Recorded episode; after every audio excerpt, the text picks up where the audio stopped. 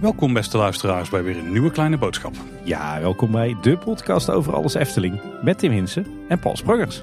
Ja, Paul, en ik eh, zie hier in mijn draaiboek staan dat het alweer de 295ste aflevering van een kleine boodschap is. Zo, We gaan eh, als een eh, razende op weg naar de 300. volgens mij lopen we nek aan nek met details. Ja, deze, deze keer geen feestje in het theater. Maar we hebben wel volgens mij nog een uitnodiging uitstaan naar onze luisteraars om eh, leuke vragen aan te leveren. hè, Als eh, in de vorm van een voice clipje. Zeker, we hebben er al eh, best wel veel gehad. Maar we kunnen er nog steeds wel een paar bijproppen in die aflevering. Dan wordt het echt een feestelijke aflevering. Maar de Efteling die heeft er wel een feestje georganiseerd, denk ik, vanwege onze 295ste opname. Ja, inderdaad. Want vanavond, op het moment dat wij hier driftig aan het opnemen zijn met zweet op de kop, heeft al het Efteling personeel, eh, ja, die staan eigenlijk in de, in de Polonaise vanavond. Hè. Ja, de beats die kwamen uit het park. Hè? Ze hebben volgens mij een foute party voor al het personeel in het Efteling Theater. Ja, toch jammer dat eh, wij niet uitgenodigd zijn en hier eh, zitten te zwoegen in de studio. Hè? Ja, we zijn geen personeel, dus zo simpel is het eigenlijk. Nee, dat is ook weer zo. Nou, we doen het met liefde. Willen jullie ons op een andere manier een hart onder de riem steken? Of een van de andere pretpark podcasts? Dat mag natuurlijk ook. Ja, zeker. Het is weer die tijd van het jaar. De Dutch Podcast Awards die komen eraan. En je kunt Kleine Boodschap of een van je andere favoriete podcasts natuurlijk nomineren daarvoor. Het is wel een beetje nog de vraag onder welke categorie dat moet doen. Want ze hebben een hele sloot aan categorieën uit, eh, uit de sloot getrokken. Inclusief trouwens eentje specifiek voor ons met de podcast met meer dan 200 afleveringen. Oh, echt waar? Oh, dat is Die de is categorie ja. langlopend dan. Ja, zeker. Oh, daar, daar komen we, gaan we makkelijk overheen. Trouwens, sowieso, we bestaan ook bijna vijf jaar. Hè? In december eh, is het vijf jaar Kleine Boodschap. Nou, maar wat zullen we doen? Eh, de categorie media, cultuur en entertainment? Is daar één totaal eh, categorie? Ja. Oeh, die is wel heel breed en heel zwaar. Maar laten we die maar gewoon doen. Ja. Als eh, de organisator vindt dat het toch een andere categorie moet zijn, dan worden we daar vast onder geschaard. Ja, precies. Eh, mocht je inderdaad eh, fan zijn van Kleine Boodschap, dan, dan mag je ons nomineren op podcastawards.nl. Ja, dan geven we toch de Efteling en de pretparkpodcast in algemene zin een mooi nationaal podium. Dus het zou tof zijn als we daar even voorbij komen. Zeker. Tim, we gaan de follow-up eens induiken. Aflevering 291 ging er over de entrees en de parkeerterreinen. En van een insider kregen we best wel toffe feedback. Ja, inderdaad. Het is al even geleden dat ze die aflevering hebben uitgebracht. Maar eh, deze weetjes eh, willen we jullie toch niet ont, eh, onthouden. Eh, zo hadden we het natuurlijk eh, in die aflevering over de Europalaan en de geluidswal die daar aan ligt. En midden in die geluidswal zit een, eh, ja, een soort monumentje op de plek waar vroeger de entree Parklaan was. Maar deze in- eh, insider die vertelde ons dat het eh, niet alleen een monumentje is, maar dat dat ding ook een eh, functie heeft. Want die is er namelijk ooit gekomen als tegemoetkoming naar de bewoners van Rosagaarde. Dat is het, eh, het achtergelegen bejaardentehuis. Die waren namelijk massaal tegen de komst van eh, de geluidswal. Omdat ze zo genoten van eh, ja, het kijken naar het verkeer dat naar de Efteling reed. En daarom zit er dus in het midden ter hoogte van dat bejaardentehuis eh, ja, een opening. Waardoor ze alsnog het Eftelingverkeer voorbij kunnen zien komen. Nou, en zoals ze dan daar zouden zeggen, zijn ze het ook best bekaaid afgekomen. ja, precies. En die voormalige studio van Efteling Kids Radio, ik dacht dat die dus in eh, de punt bovenop Efteldingen zat. Maar die blijkt dus echt alleen in het stuk boven de kaartcontrole en eigenlijk die eh, Efteldingen zelf te hebben gezeten. Boven Efteldingen vind je alleen maar technische installatie voor de winkel. Ja. En eh, wist jij Paul dat het Huis van de Vijf Zintuigen onder het personeel ook een bijnaam heeft? Ja, sinds deze feedback weet ik het. Ja, namelijk het Huis van de Vijf Windgaten. Op zich ook wel logisch, hè? want het is echt een, tochtgat. Het waait altijd keihard onder die kap. Vandaar ook denk ik dat er ooit van die gaskachels zijn opgehangen. En we hadden het ook over eh, eh, P1, het hoofdparkeerterrein van de Efteling, dat het zo krap is. Eh, en wij dachten toen van ja, dat komt omdat de auto's in 1993, toen het parkeerterrein werd gerenoveerd, nog niet zo lang waren als nu. Dat is ook zo, maar deze insider wist ons te vertellen dat, dat die breedte niet uit 1993 stamt, maar dat die eigenlijk is gebaseerd op het oude parkeerterrein wat daarvoor daar nog lag. Ja, en toen waren de auto's natuurlijk nog kleiner. Ja, dat verklaart al. ah, Oké. En nog het laatste weetje wat eh, deze insider wist te vertellen is dat voordat bij het Kleuterhof die hotelgasten entree was gerealiseerd, dat de gasten toen met een oude gele BBA-bus naar de hoofdentree werden gebracht. Ja, en als je nou wil weten hoe zo'n oude BBA-bus eruit ziet, dan moet je een keer de bussafari doen in de Beekse Bergen. Daar rijden ze nog steeds rond. Nou ja, rijden ze nog? Ja, ja, ja. In de winter niet alleen zo? Nee, nee, nee. Oh, Eh, dus sinds eh, COVID het land uit is, rijden ze weer. Ah, ik dacht dat ze ermee gingen stoppen. Je moet wel door de wolk rode diesel heen kijken. Dat geldt met iedere oude BBA, dus niet alleen daar. Hey, er was ook nog een, eh, een eh, reactie naar aanleiding van eh, onze vorige nieuwsaflevering, nummertje 293. Eh, daar hadden we het over de zinsnede van Koen Sanders, de, de commercieel en creatief directeur, dat de Efteling in 2030 eh, zeven themagebieden zou hebben. En wij konden er maar niet over uit waar dat nou vandaan kwam. Nou, Wessel van Loopings heeft dat even voor ons nagevraagd. En hij kreeg een reactie van de Efteling. En die reactie luidt als volgt. Voorbeelden van themagebieden zijn Max en Moritz, de wereld van Simbad en het nieuwe gebied rond Dans Macabre. Hoe dat er over vijf jaar uitziet, het zijn toekomstplannen die nog niet naar buiten zijn gebracht en ook niet zo concreet zijn. Het is vooral de wens voor de komende vijf jaar. Tijdens het 75-jarig jubileum maken we opnieuw de balans op. Oftewel, ze weten denk ik zelf ook niet goed waar die zeven gebieden op gebaseerd zijn. Ja, vooral dat je een getal 7 noemt. Of 7 natuurlijk weer het sprookjesgetal, hou het daarom aan. Ja, aan de andere kant, als, het zo, zo, als je het echt zo concreet maakt, dan zal er ergens dus wel een lijstje liggen met Zeker als het over 7 in 5 jaar gaat, dan moeten er nog vier bij komen. Tenzij ze dan denken, zeggen, ja, maar Sprookjesbos is ook een themagebied. Ja. En het Fata Morgana-plein ook. Nou, volgens mij kwamen wij zelf al aan 16 of 17 themagebieden in, in de huidige Efteling. Dus nou ja, het blijft een vaag verhaal. Ik denk dat we er nooit achter zullen komen. Dan de hoofdonderwerpen, Tim. Ja, dan kunnen we alleen maar beginnen met Dans Macabre. Want ja, er wordt eigenlijk nog niet zoveel gebouwd. Alhoewel, een klein dingetje. Ja, vooral uh, voorbereidende werkzaamheden. Ja, we komen er daar ook wel langs. Dus dat is de stand van zaken rondom de, ja, ja, de subtiele sloop. Het ontmantelen van het spookslot. Ja, nou, er is al wel iets weggetikt, maar hard gaat het nog niet. Nee, laten we inderdaad even kijken wat er zo al gebeurt. Nou, wat heel belangrijk is, is dat eh, de bouwweg klaar is. Die eh, vanuit de Eftelingstraat naar, het, eigenlijk naar de, de achterkant van het spookslot leidt. Uh, daar hebben ze een, een, mooie dam voor opgeworpen in de Kanovijver. Uh, ja, het is echt een dijk geworden. Hè. Er ligt, ligt flink wat puin op en inmiddels ligt er ook een brede asfaltweg op. Is dat normaal? Was het bij vorige bouwweek dat het verhard werd met puin? Ja, dat zag je in het verleden wel. maar je ziet steeds meer bij bouwprojecten in de Efteling, maar ook in, in de buitenwereld, dat, dat er steeds vaker voor asfalt wordt gekozen. Omdat je dan niet in de winter een hoop modder hebt en in de zomer een hoop stof. Nou, zeker dat laatste is natuurlijk op die plek heel onwenselijk. Hè? Want uh, als het in de zomer een keer uh, waait, dan heb je een, een grote wolk van zand en stof door het Anderrijk heen. en ja, asfalt, het kost net wat meer, maar je hebt er gewoon heel veel profijt van. Ja, het ziet er eigenlijk ook stiekem best chic uit. Als ze daar een hek naast zetten, dan zou het ook een prima pad zijn in de toekomst. ja, precies. Ze hebben trouwens wel links en rechts van die asfaltweg op die dijk hebben ze wat, wat paaltjes met planken ertussen neergezet om te voorkomen dat de grote auto's van de dijk afrijden. Dan wordt het water in ieder geval aangekondigd met een krak. ja, precies. Uh, er is nog meer geasfalteerd. Uh, er is natuurlijk ook een, uh, een route gemaakt dwars door het bos heen om vanaf de Kanovijver aan de achterkant van het, het spookslot uit te komen.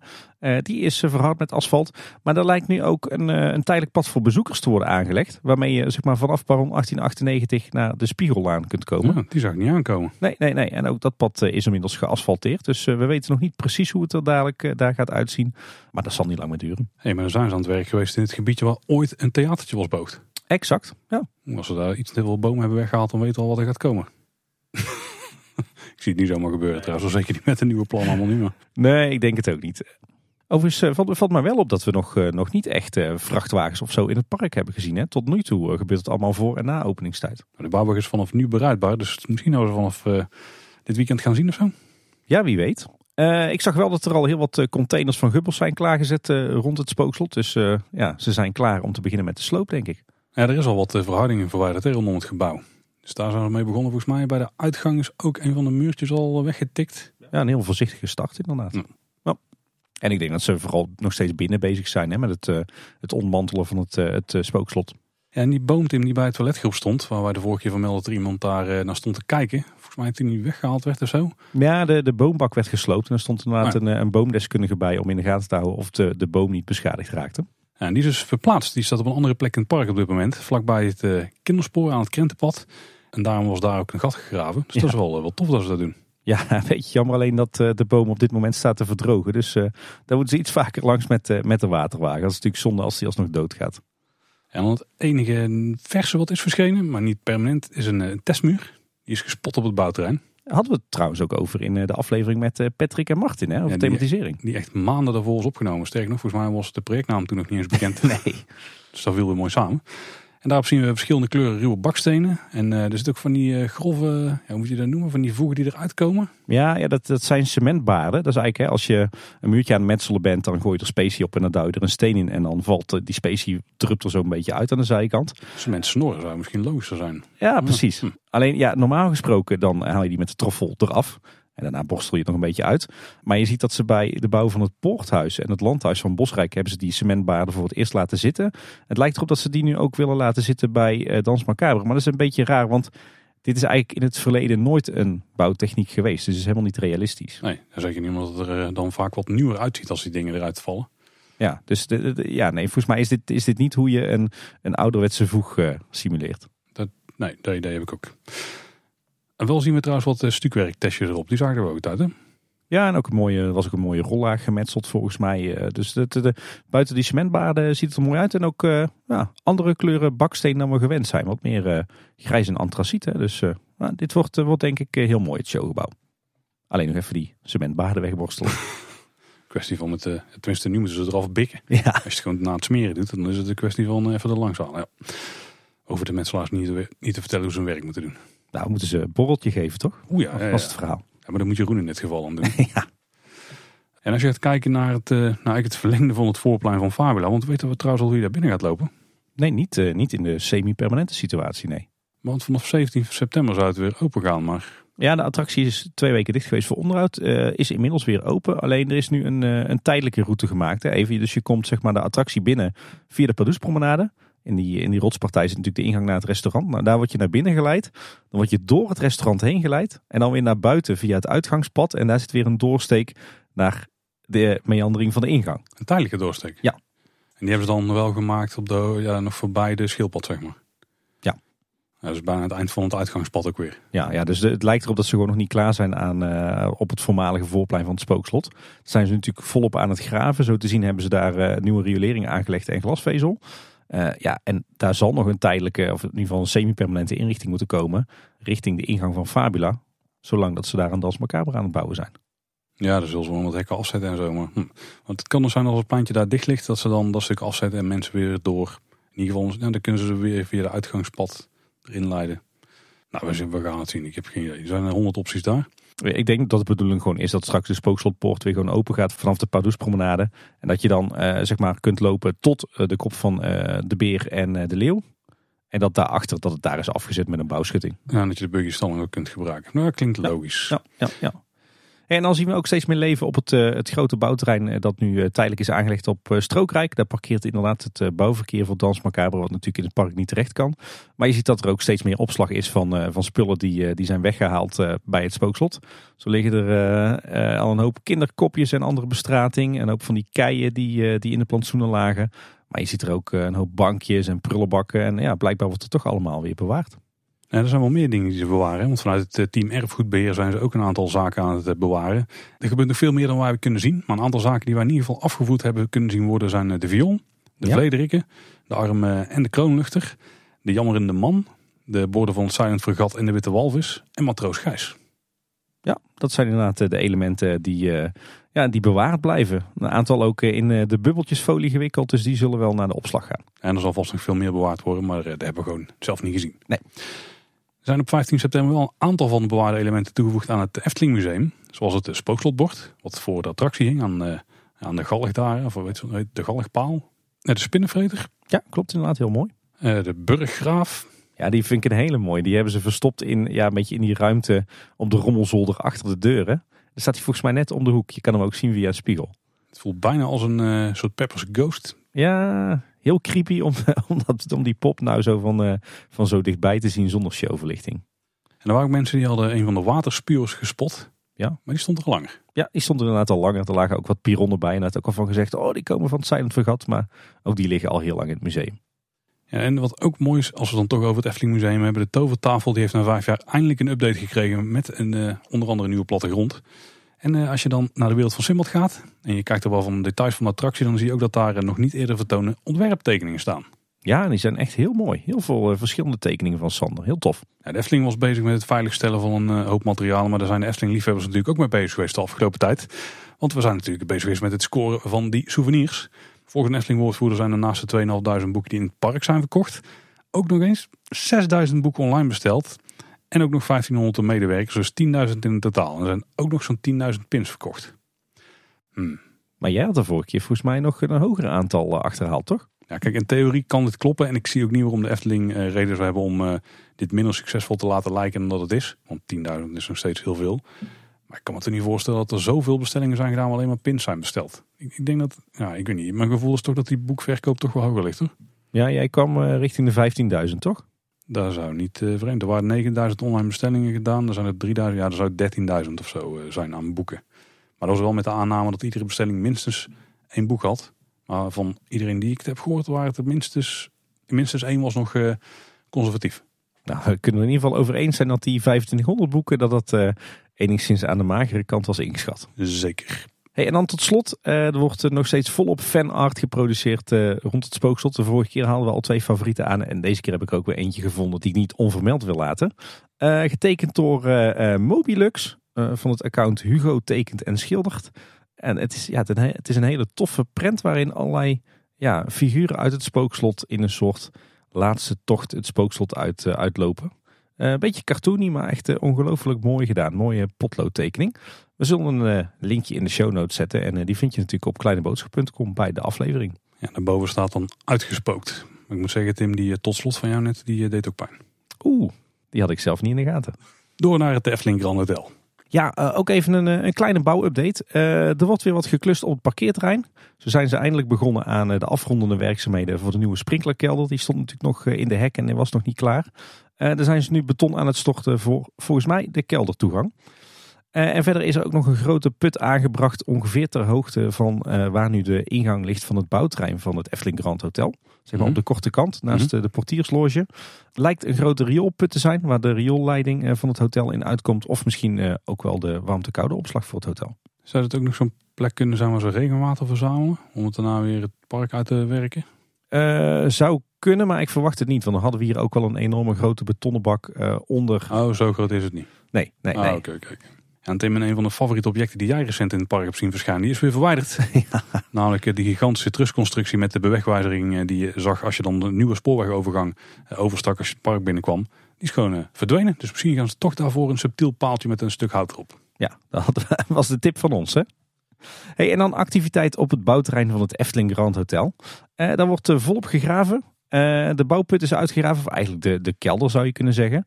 Je ziet nu dus ook als je van boven kijkt echt prachtig waar het hotel precies komt te liggen. Mooi om die contouren te zien. En dat zand wat uit uh, die, die, die put komt, wat echt prachtig geel zand is, dat wordt niet afgevoerd. Of nou ja, dat wordt wel afgevoerd, maar naar Efteling terrein. Want dat gaat dus naar de voormalige gemeentewerf aan de Bernshoef. Waarvan wij ons de vorige nieuwsaflevering nog afvroegen wat ze daar voor depot hadden gemaakt. Maar daar gaat dus al dat goede zand naartoe. Waarschijnlijk kunnen ze dat niet gebruiken op het bouwterrein en gaat het daar ook niet terug. Maar eh, slaan ze dat op voor eh, toekomstige projecten? Oeh, dat is toch in de weg. Maar als het voor lange tijd opslaan is dan wel logischer dat ze er iets verder over willen rijden. Dan hebben ze ook hier op het bouwterrein eh, flink wat asfalt gedraaid. Waarschijnlijk dachten ze de asfaltmachines zijn er toch, dan doen we maar meteen de asfaltwegen voor beide projecten in één keer erin klappen. En vandaag zag ik dat de eerste wapening voor de paalkoppen van de schroefmortelpalen werd aangevoerd. Dus, dus de funderingspalen die gaan binnenkort de grond in. Ik denk dat we weer een klein lesje bouwkunde hier moeten krijgen, Tim. Wapeningen voor paalkoppen van schroefmortelpalen. Nou, ja. nog een paar uh, Weet je dat ja. Ik kan me er iets voor voorstellen, maar misschien dat de luisteraars zijn die uh, zich dat niet kunnen. Nee, je hebt natuurlijk de, de betonvloer van, het, uh, van de kelder van het hotel. Nou ja, het hotel is zo zwaar, dat kun je niet zomaar in het zand leggen, want dan zakt het hotel weg. dus er moet een fundering onder, palen. Wat natuurlijk een hele bekende manier is van funderen, is heipalen de grond injassen. Dat doe je met name in, uh, in hele zwakke ondergrond. Ja, en industrieterreinen zijn er wel meer geschikt voor, denk ik. Ja, en daar waar je in ieder geval er, geen last van hebt, uh, daar kan je dat heel goed doen. Maar in de Efteling is het natuurlijk niet handig. Maar je hebt ook een, eh, een andere techniek. Dat zijn schroefmortelpalen. Dan wordt er eigenlijk een soort ja, boor de grond ingedraaid. Uh, en op het moment dat die boor op diepte is, dan draaien ze hem weer langzaam maar zeker omhoog. En in die ruimte die open blijft in, in de bodem, daar, daar blubberen ze dan beton in. En het bovenste stuk, daar douwen ze ja, een soort eh, cirkelvormig wapeningsnetje in, zodat die betonpaal ook gewapend is.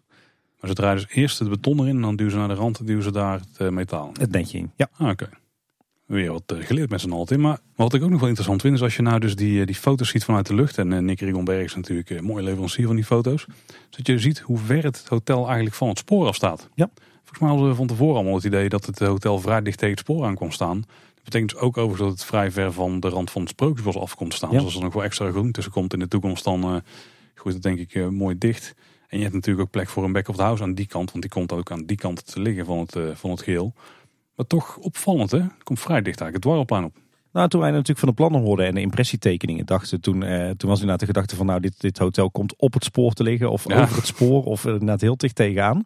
Uh, was denk ik ook wishful thinking, omdat we Ja, ook een veilige Stationnetje ook. ja, we wilden een stationnetje en een veilige overgang, spoorwegovergang. Maar op de situatietekening die op een gegeven moment eh, naar buiten kwam en die, met die hele set bouwkundige tekeningen bij de vergunningsaanvraag, toen kon je al wel zien dat het hotel een behoorlijk eind het Dwarrelplein opkomt. Ja, en ik denk dat ze gewoon inderdaad eh, voldoende ruimte willen overlaten, eh, zeg maar na die doorgang, dat je daar toch iets van een pleintje hebt voordat je daadwerkelijk het spoor oversteekt. Het biedt overigens dus wel ruimte voor een extra station daar. Met het opstapperron aan de kant van, eh, van het Dwarrelplein, zeg maar. Eh, dat wel, maar volgens mij eh, is al redelijk bevestigd eh, dat hier geen station gaat komen. Nou, een man kan blijven hopen, Tim. Het is wel gunstig als je dus gaat oversteken, want je hebt veel beter zicht over die overgang. Want als het hotel natuurlijk dicht tegenaan zou staan, ja, dan, dan loop je het hoekje om en dan is er in één keer een trein die recht voor je neus passeert. Dat Ja. moet je natuurlijk niet hebben. En nu heb je toch wel een, een meter of twintig, denk ik, om daar aan te zien komen. Daar heb je nu inderdaad geen, geen last van. En er viel me op dat er toch ook behoorlijk wat ruimte overblijft aan, eh, zeg maar, tussen het hotel en het Huis van de Vijf Zintuigen. Voor eh, ja, dat hele gebied met, eh, met, met al die pleintjes en, en dat groen en water. Hè? Ja, nou, misschien is het gewoon niet zo'n eh, plomp hotel als we hadden verwacht. Ja. Nou, dat is eigenlijk alleen maar goed nieuws. Alleen maar goed nieuws. Laat het eh, beton maar komen. Oeh, nou zeker. Als daar die funderingplaat in komt te liggen. We moeten echt eh toertjes op de bouwplaats regelen. Dat zou goud zijn. Ja, iedere twee weken of zo zijn helemaal Ja, niet verwijzend. Tim, er was weer een, een kwestie. Die eh, speelde op. En dat komt omdat er een uitspraak was gekomen door de rechter over de kwestie van de 5 miljoen bezoekers. Of bezoeken. Ja, dat is wel een deel van de kwestie in ieder geval. Zullen we er even doorheen lopen in eerste instantie wat er nou precies is gebeurd en wat eventueel de consequenties gaan zijn. Ja, want er was, ik moet zeggen, er was de afgelopen dagen nogal wat onduidelijkheid eh, en oneenigheid over. Nou, wat is er aan de hand? Eh, buurtbewoners van de Efteling die hadden eerder een rechtszaak aangespannen. Niet tegen de Efteling, maar tegen de provincie. Hè, over het feit dat eh, de Efteling een drietal jaren over de 5 miljoen bezoekers per jaar is heen gegaan. Een grens die is opgenomen in de, de huidige natuurvergunning. Nou, de provincie die had daar de Efteling voor op de vingers moeten tikken. Hebben ze niet gedaan. En de rechter heeft dus bepaald dat de provincie dat wel had moeten doen. En eh, nu is uiteindelijk de einduitspraak. En naar aanleiding van die, die uitspraak heeft de provincie nu bepaald dat als de Efteling eh, in de toekomst meer dan 5 miljoen bezoekers per jaar trekt, dat ze dan een dwangsom krijgen van 20 euro per bezoeker te veel. De Efteling die heeft er ook een eh, reactie op gegeven en die zegt het park zal niet dichtgaan. Er wordt gewoon betaald als er weer komt. Nou, dat is nogal een vrij botte uitspraak. Of lompen. Nou, ik denk dat hij vooral verkeerd is uitgelegd. Ik begreep ook wel dat hij, dat hij door de krant eh, iets anders is opgetekend dan, eh, dan dat het eh, gezegd is. Eh, wat Efteling schijnbaar eigenlijk bedoelde is te zeggen van nou, mensen hoeven vooral niet bang te zijn dat de Efteling weer ergens in de loop van het jaar dicht gaat. Hè? Net zoals met, met corona. De Efteling blijft gewoon altijd open. En stel dat we dan een boete krijgen, dan zullen we die natuurlijk netjes betalen. Maar het kwam inderdaad over alsof de Efteling zei, eh, lak aan, aan het milieu. We betalen wel gewoon eh, als er meer bezoekers komen, punt. Nou ja, als je het heel scheef vertaalt, dan komt het daar op zich ook wel neer. Maar er is natuurlijk een belangrijk element hier. En dat is ook een element waar wij het al regelmatig over hebben gehad. Volgens mij vrij recent ook nog toen we de financiën gingen bespreken van de Efteling. Want daar is de telmethode. Er is natuurlijk een kleine verwarring. Dat is niet zo heel vreemd. Voor de mensen die wat dieper in de materie zitten, zoals wij en ook onze luisteraars. Die weten dat als de Efteling bezoekerscijfers uitbrengt. Dat het niet gaat om het aantal bezoekers. Dus het aantal unieke mensen wat door de poort is gelopen. Maar om het aantal bezoeken. Ja, het Wat- aantal dagbezoeken. Hè? Want even voor duidelijkheid, als je twee keer per dag het park binnenloopt, wat ik nog wel eens doe, s ochtends een keer en aan het eind van de dag nog een keer, dan telt hij dat niet als twee, dan tel je nog steeds gewoon als één bezoek. Maar het gaat inderdaad eh, om het aantal bezoekdagen. En dat is met name relevant voor verblijfsgasten. Eh, een verblijfsgast die bijvoorbeeld een week op Bosrijk eh, verblijft, die wordt tijdens die week zeven keer geteld als bezoeker. Is het zo dat je als abonnementhouder, als je twee, de tweede keer binnenkomt, dat hij dan als hetzelfde bezoek telt? Ik, ik heb dat een keer nagevraagd, maar dat, eh, het, is echt maximaal één bezoek per dag, per persoon. Nu digitaal geteld wordt, kan dat natuurlijk ook Ja. makkelijk. Maar dat is aan het verleden niet zo zijn geweest. Nee. Want dan toen waren ze met een handtelletje. Dus Toen waren die bezoekersaantallen denk ik ook nog minder een issue. ja, een beetje natte vingerwerk. Maar inderdaad, het is een, eh, een hele heikele kwestie. En het, het speelde al op in het bestemmingsplan, hè, waarbij de Efteling telkens moest uitleggen van eh, wat zijn nou het aantal bezoeken en het aantal bezoekers. Eh, en in deze kwestie is dat ook weer belangrijk, want eh, de Efteling communiceerde in die jaren dat ze over die 5 miljoen heen gingen telkens het aantal bezoeken. Dus iedere dag dat een verblijfsgast naar de Efteling ging, werd geteld als één. Logisch, want als je dit naar buiten communiceert, wil je eigenlijk laten zien van kijk eens hoe goed wij het doen als park. Dus eh, we maken het bezoekersaantal zo hoog mogelijk. Dat is ook de manier waarop de hele branche wordt geteld. Ja, is dat zo? Dat weten we eigenlijk niet, hè? want het is natuurlijk heel ondoorzichtig, die telmethodes. Stel je hebt Walt Disney World, mensen zitten daar in een hotel. Ja, er komen mensen in een park. Ja, dat is gewoon heel logisch dat je dan het bezoek aan zo'n park telt. Iedere keer als iemand door de poort gaat, toch? Het is heel vreemd van, ja, er zit één, hotelgast, die tellen we als een bezoeker. voor het hele resort of zo. Dat is een beetje vreemd toch? Ja, maar stel dat die gast gaat parkhoppen. Tel je die dan voor ieder park dat hij die dag bezoekt mee als bezoeker? Ja, dat denk ik wel, ja. Ja, dat zijn dus lastige dingen. Hè. Hoe vaak tel je een abonnementhouder mee? Wat doe je met kinderen van onder de drie? Wat doe je met eh, theaterbezoekers? Wat doe je met bedrijfsevenementen? Tel je die mensen mee als bezoeker of niet? Nou ja, dat hebben ze dus ook gedaan in het verleden. Ja. Om het een beetje omhoog te krijgen. Ja, bijvoorbeeld het theaterbezoek. Het is bijvoorbeeld ook wel interessant bij een park als Tivoli Gardens. Het is natuurlijk een park waar je niet alleen hoeft te komen voor de, ehm, voor de attracties. Maar het is in principe wel een pretpark. Alleen mensen die daar gewoon komen om te eten of zo, die worden ook gewoon geteld als bezoekers. Waardoor die ook altijd vrij hoog in de, de lijstjes terugkomen. Niet omdat mensen daar nou heen gaan voor de attracties, maar gewoon omdat ze het een fijne plek vinden om te zijn, weet je wel. Dus ja, het is heel normaal om zo te tellen. Ja, eigenlijk zou je wereldwijd gewoon één eh, standaard norm moeten hebben voor het tellen van bezoekersaantallen. Ja, ik denk niet dat die er zomaar gaat komen. Is, is voor nu ook niet relevant. Wat wel relevant is, is dat de provincie nu heeft gezegd.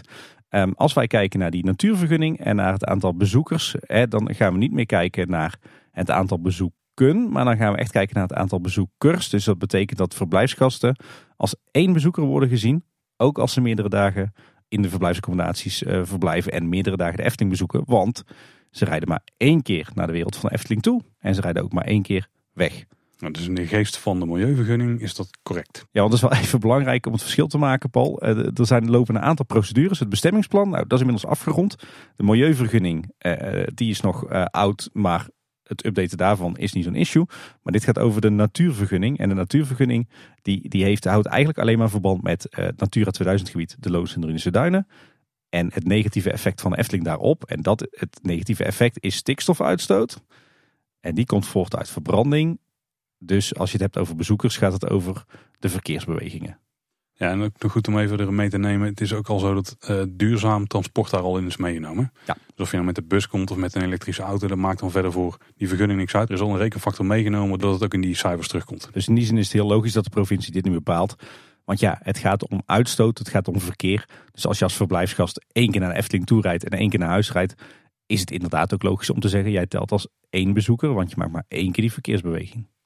En dan zag ik nog wel een interessante discussie. En misschien moeten we die hier niet houden, want dan horen mensen het. Maar dat eh, als jij bezoeker bent die in een park zit of in een verblijfsaccommodatie, dan moet het natuurlijk ook gestookt worden. Maar dat gaat volgens mij voor een groot deel duurzaam. En als dat niet is, dan kan het alvast gemaakt worden. En een groot deel, bijvoorbeeld heel Bosrijk, valt buiten die Natura 2000 eh, cirkel. Dus dat is dan sowieso niet zo'n issue. Nee, ja, volgens mij is zowel het hotel als eh, Bosrijk werken op warmte-koude opslag. Dus daar wordt, zijn nog geen cv-ketels meer. Volgens mij wordt er ook elektrisch gekookt. En bij het Loonse Land wordt er gestookt met biomassa. Dus ja, die zit wel in, uh, in de berekening. Maar de andere parken niet. En het nieuwe hotel, wat ook wel binnen die cirkel ligt, dat wordt sowieso volledig duurzaam. Dus daar is Ja. ook geen, eh, geen issue daar. Nee, dus het gaat echt in, in, de, in deze kwestie echt alleen om die verkeersbewegingen. Ja, wat dan interessant is, is dus, het is heel belangrijk wat die mensen in die parken bijdragen aan het aantal bezoeken per jaar. Nou hebben we een luisteraar, die, eh, die zat er ook mee te spelen in zijn hoofd. En die heeft geprobeerd uit te rekenen, waar die volgens mij vrij goed in is geslaagd. Eh, die heeft een heel Excel ook aangeleverd bij ons, met al zijn, eh, zijn rekenregels, met bepaalde bezettingsniveaus en bepaalde bezettingspercentages. Die waren vrij conservatief volgens mij. En in zijn berekeningen kwam het er eigenlijk op neer dat er ongeveer, dat, dat bij 5 miljoen bezoekers, de Efteling ongeveer 5,8 miljoen bezoeken zou mogen ontvangen. Ja, oftewel, eh, als je op de oude methode telt, dus de manier waarop je zoveel mogelijk, zo hoog mogelijke bezoekersaantallen genereert, dan kunnen er 5,8 miljoen mensen binnenkomen, zonder dat je die kritische grens van 5 miljoen bezoekers van de provincie overschrijdt. En daar zit ook wel interessanter voor de Efteling, want ik ben benieuwd hoe ze dit gaan communiceren. Want ja, die willen voor de, was dat de IAPA volgens mij, die lijsten worden gepubliceerd? Of Nee, de TIE volgens mij. Ja, oké. Dat is natuurlijk zo'n hoog mogelijk eh, cijfer publiceren. En dat wordt ook dan in de media geslingerd. Ik denk dat ze dat dus niet meer gaan doen. Ja, zou het? Nee, ik denk dat ze echt alleen nog maar die bezoekersaantallen gaan, eh, gaan delen. Om zichzelf niet, eh, niet in de voet te schieten. Nou, dit jaar en vorig jaar hebben ze in ieder geval, en het jaar daarvoor, een soort van geluk gehad. Want die 5 miljoen, dat was daar niet discutabel. Want dat hebben ze gewoon bij lange na niet gehaald. Nee, met dank aan eh, corona. Maar in de toekomst wel. Ja, en, en wat ook nog wel eh belangrijk is, denk ik, om te melden, is dat die 20 euro klinkt als een vrij laffe boete per bezoeker. Maar ja, als je kijkt, we hebben toen uitgerekend in de financiënaflevering eh hoeveel euro er per bezoek binnenkomt. Dan is 20 euro stiekem best veel. Want dat is volgens mij bijna de helft van de omzet die je haalt op zo'n bezoeker. Ja. En een stukje wat dan overblijft is natuurlijk niet pure winst. Er moet natuurlijk ook gewoon onkosten van betaald worden. Dus die 20 euro is wel echt een serieuze boete. Dus het is niet dat daar voor de Efteling, eh, dat ze er even in de, tussen de bankkussen snuffelen en eh, dan de geld tevoorschijn toveren. Dat heeft wel serieus impact, zeg maar. Ze gaan in ieder geval geen geld meer verdienen aan al die bezoekers boven de 5 miljoen. Dat is wel, wel zeker. Ja, ja, gezien de pure marge gaan ze daar denk ik zelfs geld op inleveren. Overigens werd er door een aantal mensen op social media ook geroepen van uh, ja, de Efteling zit hier te goochelen met cijfers. Maar uh, en dit verhaal hè, van zijn het nou bezoekers of bezoeken, dat komt echt uit de koker van de provincie. Want ja, dat volgt uit het handhavingsbeleid dat zij zelf hebben opgesteld. We hebben geen vergelijkbare andere situaties hè, waarbij zoiets ook speelt. Nee, dit is echt heel complexe en unieke materie dit. Nee, maar je zou nog kunnen stellen van, uh, oh ja, de, de provincie die knijpt een half oogje dicht of die heeft geen zin in gedoe. Dus die maakt het vrij gunstig voor de Efteling in die uh, methode of is het nou, wel vrij ik, ik, ik, zou niet, ik, ik zou niet uit willen sluiten dat de provincie niet met de Efteling om tafel heeft gezeten van hoe gaan we dit samen oplossen. Maar formeel gezien is het het beleid van de provincie. Nou, maar het strookt ook wel toch? Tenminste, zo zie ik het. Maar... Nou ja, ja, wat mij betreft is het, is het een hele reële en, en rechtmatige manier van tellen. Juist omdat het gaat om die natuurvergunning, dus Natura 2000, dus stikstof, dus verkeer. En het mooie is dus eigenlijk dat ze die cijfers ook exact al weten. Hè? Want ze weten gewoon op ieder moment wat de bezetting van het park is. Ze kunnen zo uit de computer draaien. Zoveel mensen hadden we in de parken zitten. Of zoveel unieke mensen zijn er in de parken geweest. Want daar gaat het uiteindelijk om. En die mensen die gaan al door een, uh, door een aparte zijingang. Dus die worden niet meegeteld. Ze, ze kunnen in ieder geval losgeteld worden van de reguliere bezoekers. Ja. Dus ze hebben waarschijnlijk gewoon al lang spreadsheets gezien waarin ze zien dat er nog een, ja, dus een marge is. Nou laat het die 800.000 ongeveer zijn, zeg maar. Uh, waardoor ze dus nog, nou in ieder geval nog kunnen groeien een heel stuk. Ja, kunnen ze toch uh, richting die 6 miljoen uh, doorgroeien. Hè? Wat een beetje de volgende mijlpaal is. Overigens zei de Efteling daarnaast nog dat ze nog steeds vertrouwen hebben in de nieuwe natuurvergunning die ze hebben aangevraagd. Uh, daarmee zou de Efteling uh, volgens de krant 7 miljoen bezoekers mogen gaan ontvangen. Dat uh, strookt ook met het bestemmingsplan. Maar volgens mij hebben ze een natuurvergunning voor 6 miljoen bezoekers aangevraagd. Alleen zit er in die nieuwe vergunningsaanvraag wat flexibiliteit. Waardoor ze niet alleen maar meer kijken naar strikt genomen die bezoekers en het aantal verkeersbewegingen. Maar waar, waar ze echt gaan kijken naar die stikstofuitstoot. Dus hoe meer ze die stikstofuitstoot kunnen uh, compenseren met uh, door andere dingen af te schaffen of door uh, andere dingen milieuvriendelijk te doen, hoe meer bezoekers dat ze mogen ontvangen. Dus dat, ja, dat geeft ze dan wat meer flexibiliteit.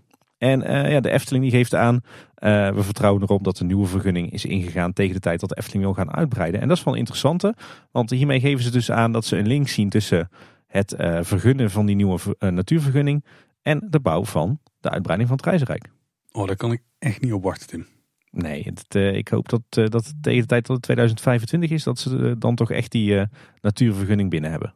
Mag onderhand. In het algemeen hebben we kunnen concluderen dat met name door de telmethode het dus nou, niet zo'n heel groot probleem op de korte termijn gaat zijn, maar voor de toekomst. Ja, die, die 5 miljoen bezoekers, wat dan misschien 5,8 miljoen bezoek kunnen zijn, dat blijft natuurlijk wel een strikte grens zolang die nieuwe natuurvergunning niet is, is verleend.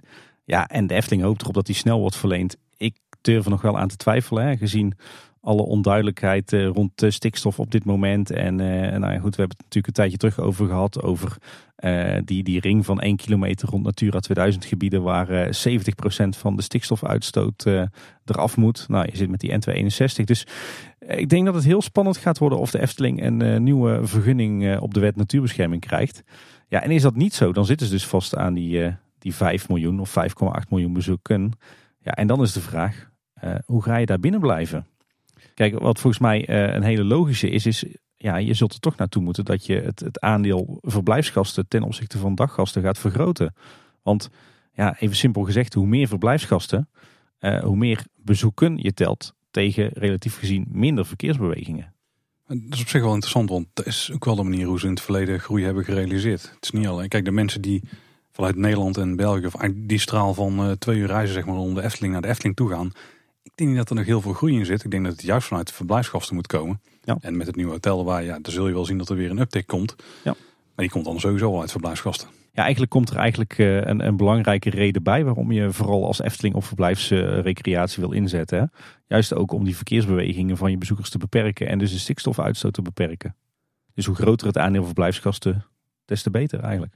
Ja, dat sowieso. Ja, en denk ik iets anders wat nu met de huidige natuurvergunning misschien nog niet zo relevant is. Omdat ze echt strikt kijken naar bezoekers. Maar zeker als ze straks wat meer flexibiliteit hebben en ze mogen echt uh, specifiek gaan kijken naar uitstoot. Is natuurlijk, ja, uh, haal je bezoekers uit de auto dus, dus ga autogebruik ontmoedigen. Bijvoorbeeld door fietsen of openbaar vervoer aantrekkelijker te maken. Of door gewoon parkeren bijvoorbeeld onaantrekkelijker te maken. Maak het parkeren uh, nog duurder. Uh, schaf parkeerabonnementen af of maak parkeerabonnementen een stuk duurder. Ja, je zult toch mensen uit de auto moeten krijgen op het moment dat dat autogebruik het grootste probleem is van, uh, ja, eigenlijk van de hele stikstofdepositie op de Loonsendruinse Duinen. Dan zijn verbeterde OV-verbindingen toch wel echt de oplossing, denk ik. Maar daar moeten we het over een paar minuten maar eens over hebben. ja, precies. Ja, en iets wat ook wel wordt opgegooid door een aantal mensen in de community is, uh, moet je niet abonnementen gaan beperken? En want nu mogen we natuurlijk met z'n allen onbeperkte Efteling in. Uh, ook als het een keer op dinsdagmiddag voor een uurtje is om even te gaan lunchen. Wij maken ons er ook wel eens schuldig aan, Paul. Uh, net gezegd moet je dan niet net als bijvoorbeeld de Disneypark ervoor gaan kiezen om mensen maar een maximaal aantal keer per jaar naar de Efteling te laten gaan. Het zal niemand verbazen dat ik daar persoonlijk absoluut niet voor ben. Uh, ik mag toch hopen dat we de vrijheid uh, houden om zo vaak naar de Efteling te gaan als we willen. Ik kan me wel voorstellen dat je, dat je zeker bij die abonnementhouders, zeker abonnementhouders uit de regio, dat je daar vooral inzet op kom naar de Efteling te voet of met de fiets en laat die auto thuis het zou mooi zijn als daar een soort incentive van vasthangt, maar dat is toch lastig. Ja, ik denk dat het moeilijk is om, om gebruik van de fiets te belonen. Want ja, hoe doe je dat? Geef je iedereen die kan aantonen dat hij met de fiets in, naar de Efteling is gekomen een waardebon of zo? Nee, ja, nee, je zou het zo kunnen. Stel, er komt een, eh, een fietsabonnement. Dat je dus uh, wel weer een bewaakte fietsstalling moet doen. Dat is sowieso een grote plus. En als je bij de fietsstalling je fiets neerzet, dan scan je gewoon je abonnement. Die kun je ook scannen dan als je eruit gaat uiteindelijk om je fiets weer te checken dat die van jou was. En als je die hebt gescand, dan kun je ermee naar binnen het park in en anders niet. En dan kan de abonnement ook wat goedkoper zijn dan een normaal abonnement. Dan stimuleer je het wel. Zou voor heel veel mensen uit de buurt best een optie zijn. Dan zou je ook te voet natuurlijk ook moeten kunnen komen. Dus dat maakt het weer misschien wel ingewikkeld. Want ik denk dat het heel ingewikkeld is. Ja. Ik denk dat je dan eerder, eh, ondanks dat het misschien niet aantrekkelijk klinkt. Ik denk dat je dan misschien juist het autogebruik voor abonnementhouders moet afstraffen tussen aanhalingstekens. Uh, schaf het parkeerabonnement af. Je ziet dat eh, heel veel parken dat doen. Eh, bijvoorbeeld Beekse Bergen, waar een tijd lang een abonnement gehad. Daar kon je geen parkeerabonnement kopen. Daar moest je iedere keer gewoon, weliswaar met korting, een parkeerkaart afrekenen. Ja, dan ontmoedig je het autogebruik wel enorm natuurlijk. En maak dan wel een uitzondering voor bijvoorbeeld 60 plus en minder valide of zo. ik kan me voorstellen dat voor die mensen het wel noodzaak is om met de auto naar de Efteling te gaan. Maar ja, ik weet zeker als men iedere keer dat men naar de Efteling gaat 12,50 moet betalen om te parkeren. Ja, dan pakt men denk ik toch heel snel de fiets. Elektrische auto's mogen die wel blijven komen? Ja. Maar dat is ook weer lastig. Dat is inderdaad ook lastig, Paul, ja. Volop uitdagingen. Ja, vroeger was het makkelijk. Dan was het gewoon, heb je een Tesla of eh, weet ik veel, Nissan Leaf, dan kun je naar binnen. Maar tegenwoordig heb je er iets meer. Dan zijn ze lastiger te herkennen. Ja, dan moet je weer aan gaan tonen dat je een, eh, een elektrische auto hebt voor je een parkeerabonnement krijgt. Lastig, lastig. Dit uh, blijft een actueel onderwerp de komende jaren. Dat is uh, één ding wat zeker is. En uh, ik denk dat dit, tenminste als ik bij de Efteling organisatie zou werken, dan zou dit toch wel een van de issues zijn die bovenaan het, het, het aandachtspuntenlijstje zou staan. Nou, er is wel één heel effectief middel om het aantal bezoeken in een jaar terug te dringen. ja, daar hebben we volop ervaringen mee de afgelopen twee jaar. Bijvoorbeeld een wereldwijde virusuitbraak. En nu is het zo natuurlijk dat de overheid weer onderzoek aan doen is naar het invoeren van een eh, corona-toegangsbewijs voor de horeca- en recreatiebranches mocht het virus weer opleven. Nu is er op dit moment natuurlijk alleen maar onderzoek of dat ze het weer kunnen gaan toepassen mocht het nodig zijn. En dat laatste stukje is ook heel belangrijk. Het gaat alleen maar gebeuren als het nodig lijkt te zijn. En het is volgens mij zelfs echt een, roep vanuit de branches dat als het uh, weer zover is, dat ze dan liever dus weer die bewijzen hebben dan dat ze gewoon dicht moeten. Anders weer finest zijn. Ja, dat snap ik heel goed. Uh, laten we hopen dat het niet nodig is. Hè, dat we de komende winter geen, uh, geen uh, nieuwe virusuitbraak hebben. Ja, maar mocht het toch wel zover zijn, ja, dan hoop ik inderdaad ook dat we de Efteling in kunnen met, met onze QR-code. En niet dat het park volledig dicht moet. Ja. Ik ga in ieder geval de herhaalprik weer halen zodra het kan. Trouwens, nog één laatste idee was ook nog kunnen doen, Tim. Vertel. Een hele dikke strook asfalt vanaf de A27 trekken. Gewoon dwars door de Kets. Ja, door Dongen en Oostraat. Als je aan de westkant uit, dus niet in de buurt komt van het Natura 2000 gebied, niks aan de hand. Precies. Gewoon iedereen via Dongen naar de Efteling. Daar ligt ook een parkeerplaats straks, dus uh, ideaal. Ja, ja. ik zeg doen. Opgelost. Ja. Maar er is nog een, een andere mogelijke oplossing. Al is het nog een beetje luchtfietserij, maar Tim, vandaag kwam iets moois tegen. Ja, vandaag kwamen we een beleidsplan tegen. Heb ik wel vaak last van op werkdagen. maar dit was een beleidsplan van het platform Do Light Rail. Uh, en dat heet uh, Light Rail op de kaart. Een verrassend vergezicht op de bereikbaarheid van de stedelijke regio's in 2040. Een uh, sprankelende titel, maar dekt best wel de lading. En dit is dus relevant voor de Efteling, omdat er dus tien regio's uitgewerkt zijn als van dit zou heel mooi zijn als dit in 2040. Ja, er zitten in sommige gevallen stappen bij van 2030, 2040, et cetera. Dit gerealiseerd zou kunnen zijn met een light rail netwerk. En de Efteling is er onderdeel van. Er zit ja. een Efteling halte bij. Ja, een van die, uh, van die tien regio's die is uitgewerkt is inderdaad de regio. Ja, eigenlijk zo'n beetje heel Brabant hè? Uh, zo ja, heel, heel Oost-Brabant denk ik, ja. Inclusief Ja. Eindhoven, Den Bosch, Breda, Tilburg. Ja, ja, ja. Maar misschien eens even kijken wat een light rail nu is. Ik denk dat de makkelijkste manier om het uit te leggen is dat het eigenlijk inhangt tussen een sprinttrein en een tram. Dus het rijdt niet alleen door drukbevolkte gebieden eh, en dan vrij traag. Maar het is ook niet zo dat het op een wat hogere snelheid alleen maar tussen de grote steden rijdt. Op eh, spoor wat alleen maar bedoeld is voor die trein. Het is een beetje een combi van. Soms schrijft zelf al dat het eh, flexibel en efficiënt is. En een light rail die rijdt net zo makkelijk samen met intercity treinen over de hoofdspoorbaan. Als door een winkelstraat midden in een oude stad.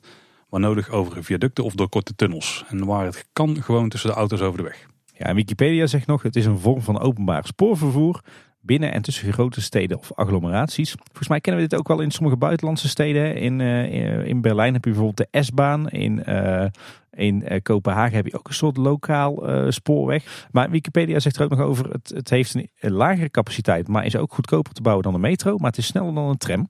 En eh, als je eigenlijk eh, een heel goed praktijkvoorbeeld wilt, eh, dan eh, moeten we naar de Randstad. Want daar ligt eh, tegenwoordig een Randstadrail tussen eh, Rotterdam, Den Haag en Zoetermeer. En dat is een, eh, ja, eigenlijk het schoolvoorbeeld van een light rail. En ik weet dat die ontzettend succesvol is. Nou, dan het plan specifiek voor Brabant is dat er eh, netwerken rondom Tilburg, Den Bosch en Eindhoven moeten komen. Die worden ook onderling dan verbonden. Ja, en kijken we dan naar de regio Tilburg, die natuurlijk eh, het meest relevant is voor de Efteling. Dan gaan er, zouden er twee light rail lijnen gaan lopen. Eén lijn vanaf station Tilburg-Reeshof naar Den Bosch. En één lijn van Tilburg Universiteit naar Den Bosch. Maar allebei over een, een ander traject. En eh één van die lijnen, R7, en R staat dan voor runner, eh, die, eh, die is voor ons even interessant. Die begint bij station Tilburg-Reeshof, maakt dan een aantal stops in de wijk Reeshof. Gaat naar station Tilburg Centraal en vervolgens via de noordoostkant van Tilburg de stad uit. Met ook in de stad weer een aantal stations.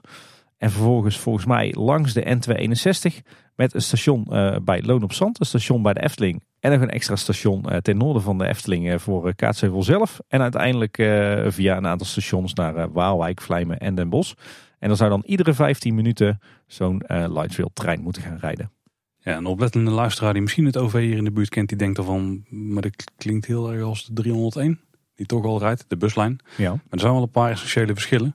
Het eerste is, dit kan sowieso volledig elektrisch. Dus dat is voor de uitstoot een stuk beter. En de capaciteit van die individuele voertuigen ligt veel hoger dan bij een bus. Volgens mij kunnen er drie tot vier keer zoveel mensen in. Ja. Dus voor het eh, wat meer massale transport naar de Efteling is het net iets gunstiger dan die, eh, die enkele of die dubbele bus die ieder half uur dan daar stopt. Ja, ja, en de frequentie van zo'n light rail is ook eh, veel hoger. Hè? Ja, volgens mij rijdt de, rijden de 301 en 300 wel vrij vaak. Alleen nog steeds de capaciteit haal je nog steeds niet. En iedere 15 minuten is gewoon wel fijn, want dan heb je bijna geen dienstregeling nodig. Dan is het gewoon, ga maar staan wachten. En binnen 15 minuten weet je gewoon dat je in kunt stappen. Ja. En dat het niet per se stampersvol is. Behalve misschien zo om half tien 's ochtends eh, straks. Maar Ja, overigens is het tracé ook sowieso niet verrassend. Hè? Want eh, er zijn natuurlijk al honderdduizend plannen uitgewerkt voor een, eh, een nieuw openbaar vervoerssysteem tussen eh, Tilburg en Den Bosch. Met eh, tussenstops in Waalwijk en, en de Efteling. Eh, monorails, kabelbanen, we hebben alles al voorbij zien komen. Het enige verschil is dat deze dus eh, eh, niet per se begint bij station Tilburg Centraal. Maar al eerder in de race of, of bij, vanuit de universiteit. ja, Maar verder dat, is het dat is niet zo relevant, joh. Laat dat stuk gewoon hangen. Nou ja, hey, bijna een metrosysteem in Midden-Brabant. Ik... Ja, mijn metro gaat dan nog net wat harder, geven zelf ook toe. Ik, ik krijg al vlinders in mijn buik als ik dit soort kaartjes zie hoor. Nou nee, ik vind het echt een goud plan. Ja, wat vinden we er eigenlijk van? Nee, ik vind dit dus echt een, een prima plan. Kijk, er, er zijn heel veel onrealistische plannen al geopperd. Hè, zoals die monorail vanaf Tilburg Centraal naar de Efteling. Sowieso denk ik dat eh, Den Bosch Centraal eigenlijk een veel gunstigere plek is om eh, transport van naar de Efteling te regelen. Want dat is in het algemeen een veel makkelijker bereikbaar station in Nederland.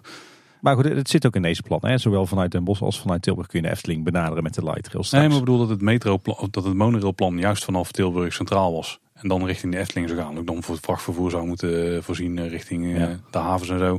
Nou, allemaal vrij onrealistisch omdat het ook vrij duur is. Want dat is blijkbaar het mooie van zo'n light rail systeem. Het kan op heel veel plekken gewoon langs de snelweg worden gelegd op een, op een niet zo heel duur spoor of zo. Ik weet niet, zijn bovenleidingen wel nodig? Ja, dat, ligt eraan. Hè. Volgens mij kan je, je kan het met bovenleiding doen. Volgens mij is dat wel zo eh, in, in de Randstad. Maar je kan ook zo'n derde rail gebruiken. Net zoals je bij, eh, bij veel metrosystemen zit. En ik vind sowieso de vorm van transport wel mooi. En ik moet eerlijk zeggen, het komt mij ook wel vrij gunstig uit. Want dan heb ik ook een enigszins treinachtig iets in de buurt staan.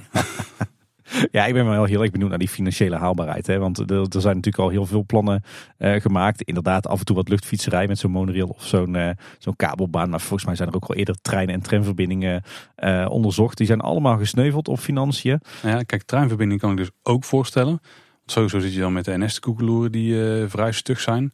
En daarvoor is het waarschijnlijk niet zo heel interessant. Maar ik zie dit vooral als een veel betere versie van de streekbussen die er nu toch al rijden. Ja, je ziet het ook als een investering op provinciaal niveau eigenlijk. Ja, dan niet alleen. Het is ook denk ik een investering die steeds interessanter wordt naarmate dus het stikstofprobleem groter wordt. En in het, in het algemeen dat, uh, dat ze meer willen verduurzamen. Kijk, je kunt ook elektrische bussen laten rijden. Maar volgens mij is het onderhoudstechnisch ook veel interessanter dan ja. uh, een, een vloot bussen en zo uh, hebben. Dus wat dat betreft zie ik ook wel de, de haalbaarheid rooskleuriger in dan van die andere plannen die ja. er zijn voorgesteld. Ja, ik denk dat we wel even goed, goed moeten kaderen hoe concreet het plan nou eigenlijk is. Want, dat is wel een goede. Ja. ja, want als je het plan, uh, plan zelf leest, we zullen trouwens ook hier een, een linkje in de show notes zetten. Dan kan je het plan zelf ook even bekijken en het kaartje. Uh, heel leuk als je wat hebt met metrokaarten. Nou, wie heeft dat niet? maar uh, het, het, het, taalgebruik in het plan is eigenlijk wel, zegt al wel veel. Want ze hebben het zelf meermaals over dat het een visioen is en een vergezicht. En dat ze vooral de potentie van light rail willen aantonen. Dus het, het lijkt er vooral op dat dit plan uh, is geschreven door uh, ja, een soort belangenvereniging. Uh, die aan het lobbyen is om die light rail verbindingen in heel Nederland neer te leggen. En ja, Brabant is dan een van de tien regio's die ze op het oog hebben. Waarin ze dus de Efteling ook hebben aangestipt. Maar de Efteling heeft zelf al wel laten weten dat de Efteling nog op geen enkele manier betrokken is geweest bij deze plannen. Dus het, het ja, het, is, het is nog echt een beetje blue sky imagineering zoals ze bij Disney zouden zeggen.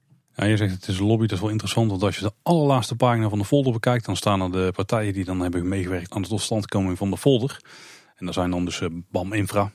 Nou, die ja. zullen het wel allemaal aan willen leggen. Ja. En de Siemens, die zal de treinen wel leveren. Ja. dus het zijn ook wel de partijen die je verwacht inderdaad. Ja. Dus conclusie, altijd even heel goed zo'n plan lezen voordat je er, uh, er uh, conclusies uit gaat trekken. Er zelfs een visioen of een vergezicht kan nog steeds een goed plan zijn. Nou ja, een goed plan. Ik denk dat dit voor de Efteling de oplossing is voor zo'n beetje alle problemen. Hè?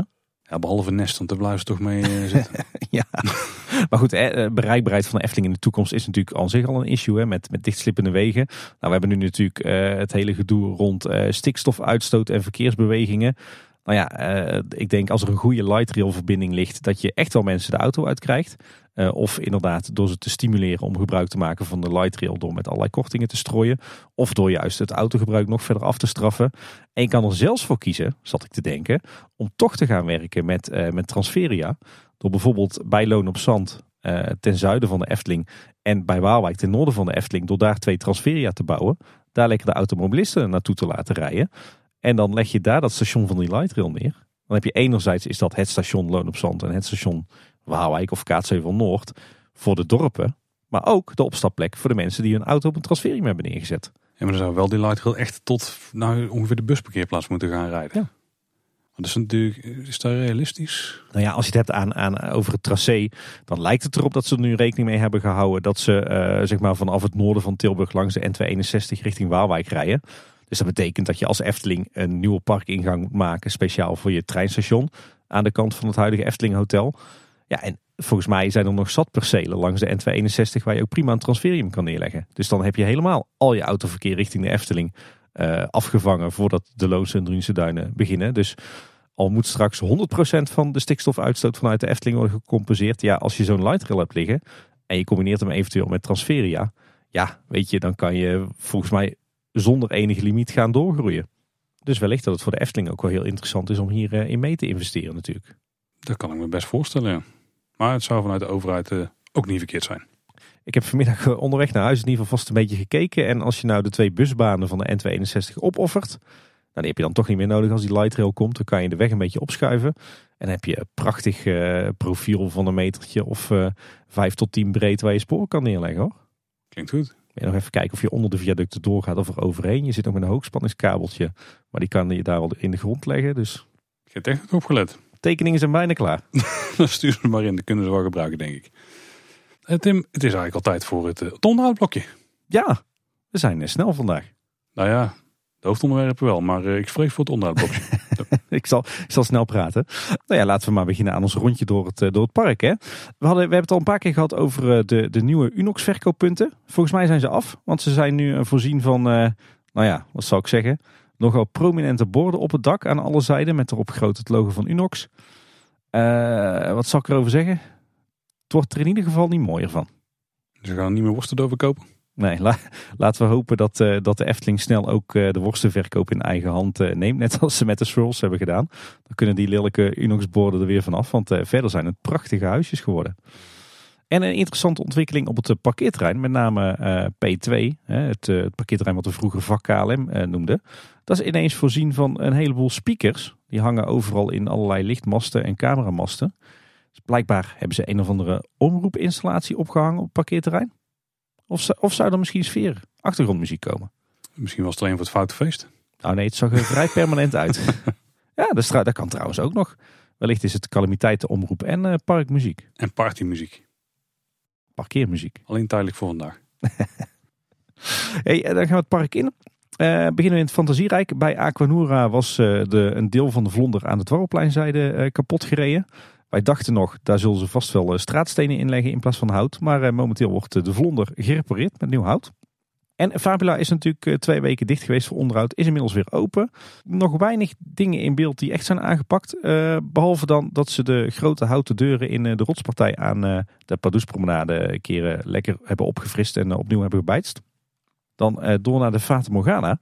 Uh, inmiddels gesloten voor onderhoud tot en met uh, 30 september. En ik zag vandaag al wel dat er volop wordt gewerkt door met name de eigen techneuten. Te zien aan het aantal bussen en accukarren aan de achterzijde van de attractie.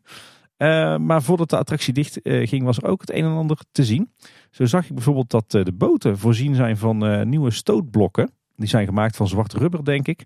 Uh, vrij goed zichtbaar op die witte boten. Ik denk dat ze die hebben aangebracht naar aanleiding van uh, allerhande eerdere problemen met aanvaringen en lekkages van de boten. Dan uh, is er een daklekkage in de Armenwijk. Ter hoogte van het, het, blaffende hondje. Dus dat kunnen ze mooi nu ook meenemen in het onderhoud. En de watergooiende vrouw, die natuurlijk bovenaan bij de markt op een balkonnetje staat.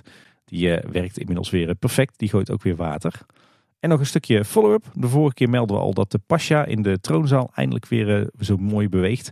Wat blijkt, hij beweegt alleen zijn hoofd en uh, niet zijn armen. Terwijl hij altijd toch heel wildgebarend in die, uh, die troon zat. Dus laten we hopen dat ze dat, dat ook gaan aanpakken bij de huidige onderhoudsbeurt. En als je in Max Morris gaat, dan zul je zien dat meester Lempel het eindelijk weer goed doet. Die hield zijn deurtje een hele tijd dicht. En de Piranha die is ruim een week onaangekondigd buiten gebruik geweest. Was het storing of hebben ze hem een week dichtgezet om energie te besparen? nee, ik denk een storing. Volgens mij moesten ze wachten op een onderdeel of zo dat uh, nog geleverd moest worden. Iets met de pompen zijn geweest dan. Of met de draaischijf. Ja, en dan gaan we naar Ruigrijk. Dat wordt misschien ook een beetje zo'n standaard terugkerend uh, item. Want we hebben van meer mensen dus gehoord dat alles in de Vliegende Hollander toch weer werkt. Ja, alle effecten zouden het weer doen. Maar we hebben ook van heel veel andere mensen gehoord dat er eigenlijk helemaal niks werkt in de Vliegende Hollander. En beetje afwisselend. Dus het lijkt van alles te zijn. Ik heb in ieder geval wel gezien dat één ding sowieso niet werkt. Want er is een, eh, een lamp die mist in de opstaphaven. Dus iedereen die claimt dat alles weer werkt, klopt niet. We hebben vandaag in ieder geval uit meerdere bronnen te horen gekregen dat de effecten allemaal weer werken. En één bron is geen bron, maar het is ons door meer mensen gemeld. Dus uh, nou, de effecten in de show doen het in ieder geval weer. Af en toe. Nu in ieder geval wel.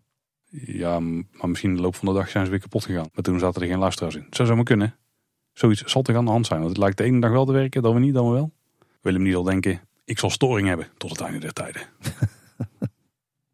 nou, laten we snel naar het reisrijk gaan, naar de Gondoletta.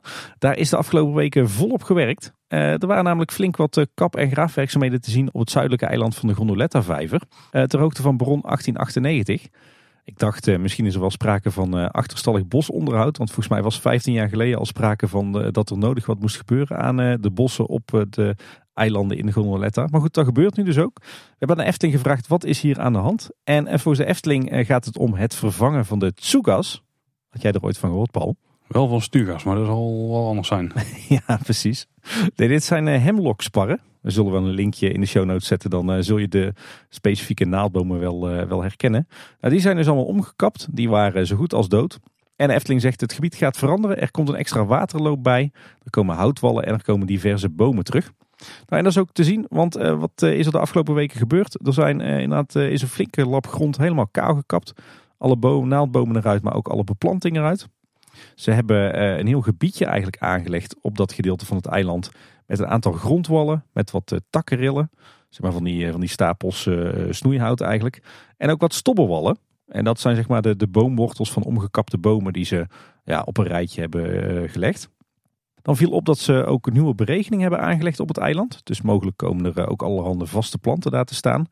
En ze hebben een soort ondiepe inham uitgegraven in het eiland waar nu eh, water in staat, die is wat, eh, wat ondiep. Dus mogelijk ook interessant voor eentjes of misschien wel voor amfibieën. En, en er ligt ook eh, zo'n grote stobbelwal aan de waterkant. En dat maakt het dan ook weer interessant voor insecten en kleine zoogdieren en zo. Dus ecologisch is dit echt een grote vooruitgang op het Gondoletta-eiland.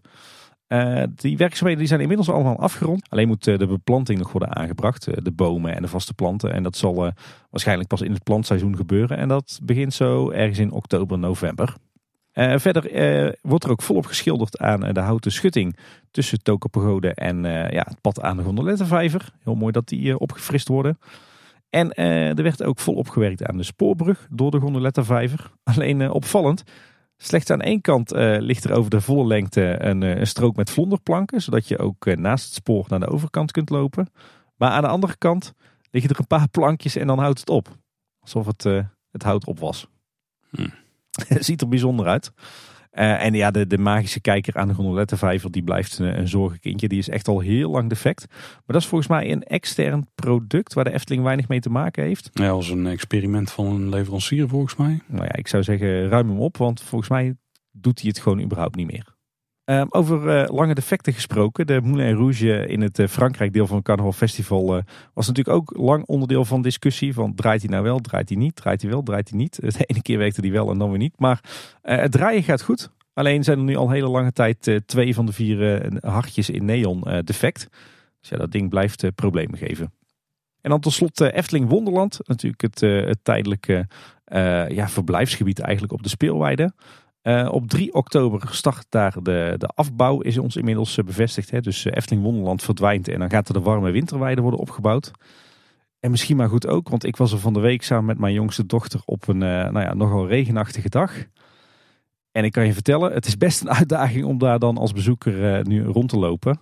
want die, die grond onder die houtsnippers die is inmiddels zo ver verdicht door, het, door het gebruik dat, ja, dat is gewoon een, een ondoordringbare laag uh, geworden. En daardoor, ja, als het maar een beetje regent, staat er gewoon 10, 15 centimeter water op die weide.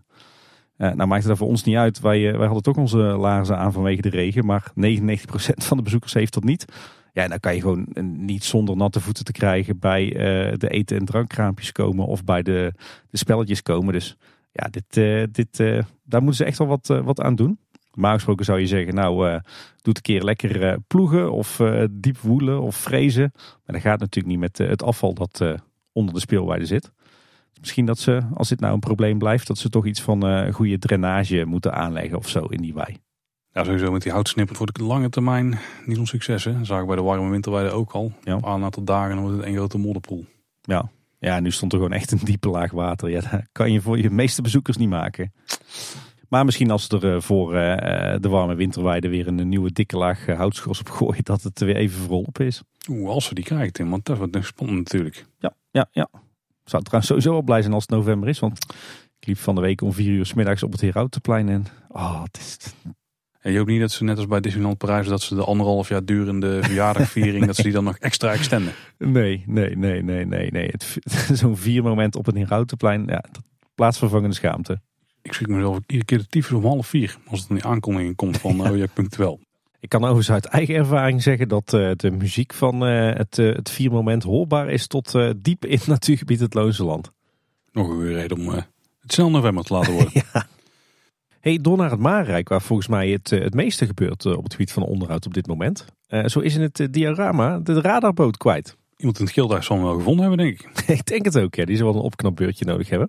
Was dat tof om te zien. Ze werken dus sinds kort met zo'n uh, treinenfanaat uit Waalwijk die het onderhoud doet aan uh, de spoorbaan. En dat is te zien, want, uh, want op alle trajecten rijden heel steady alle treinen gewoon rond. Het is lang geleden dat het zo goed ging. Dan naar station Marenrijk, wat natuurlijk een, flinke opknapbeurt heeft gehad de afgelopen tijd. Het grote bord midden op het dak met erop station Sint-Nicolaasplaats is eindelijk teruggeplaatst en is op het eerste oog prachtig opgeknapt. Een hele mooie schildering met mooie diepe kleuren weer. Eh, tenminste, dat dacht ik in eerste instantie. Maar luisteraar Daniel heeft een scherp oog. Die ontdekte namelijk dat het helemaal geen schildering meer is. Maar dat het gewoon een print is van de schildering van het oude bord. Waar ze eigenlijk alleen het, de gouden letters op hebben geschilderd. Maar verder is het dus een printje. Ook daar is het afgelopen aflevering over gegaan. Ja, volgens mij werden we daar allemaal toch wel een beetje verdrietig van. Dat het handschilderwerk uit het park verdwijnt en wordt vervangen door prints. Misschien is het wel een digitale handschildering, hè? Want dat was dan ook een van de, de opties die er was. Ja, maar dan nog, het is een printje op folie uit de computer.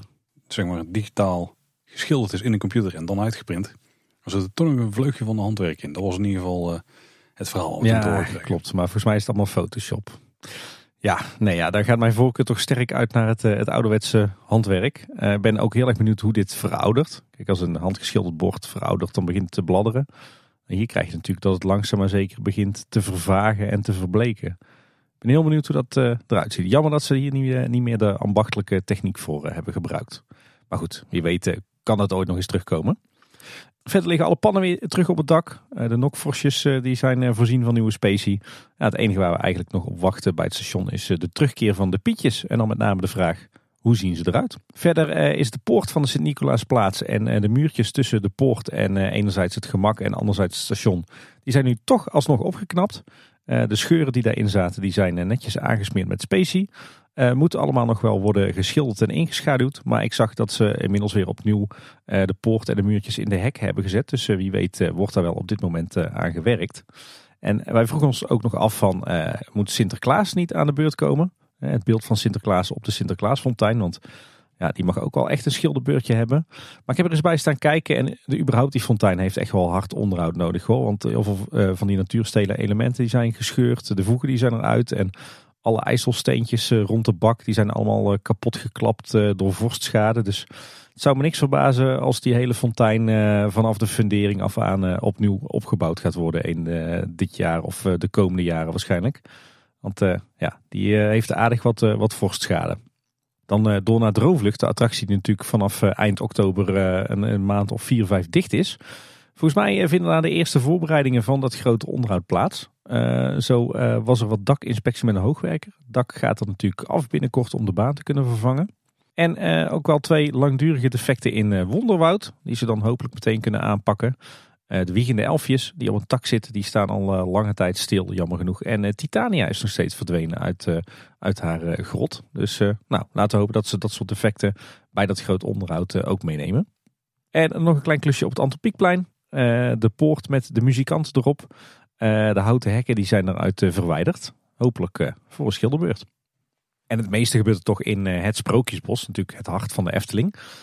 Goed om te zien dat bij Pinocchio alle muizen op de dansvloer weer dansen. Dat uh, gaat heel goed. Uh, beweging waarvan ik me afvraag of de Efteling nog wel door heeft dat het ooit bewoog, is die van Moeder Geit. van origine wiegt die namelijk zo heel mooi een beetje op en neer. alleen dat effect dat werkt echt al een hele lange tijd niet meer. Dus hopelijk kan daar ook nog een bewegingstechnicus naar kijken. Dan wordt er ook nog gewerkt aan de laatste loodjes bij het, het huisje van vrouw Holle. Natuurlijk een, eh, een bouwproject wat eh, ja, zo goed als klaar is. Uh, daar werd de afgelopen weken zo af en toe getest met de show, dus met licht en geluid. En natuurlijk de animatronic van, van vrouw Holle. En de ruitjes in het gebouwtje die waren in eerste instantie voorzien van standaard glas. Maar dat is inmiddels vervangen door antiek glas. Van dat mooie ja, gebobbelde glas, zeg maar. Alleen het ruitje links naast de voordeur is nog van gewoon glas. Dus waarschijnlijk zit dat nog in de nalevering.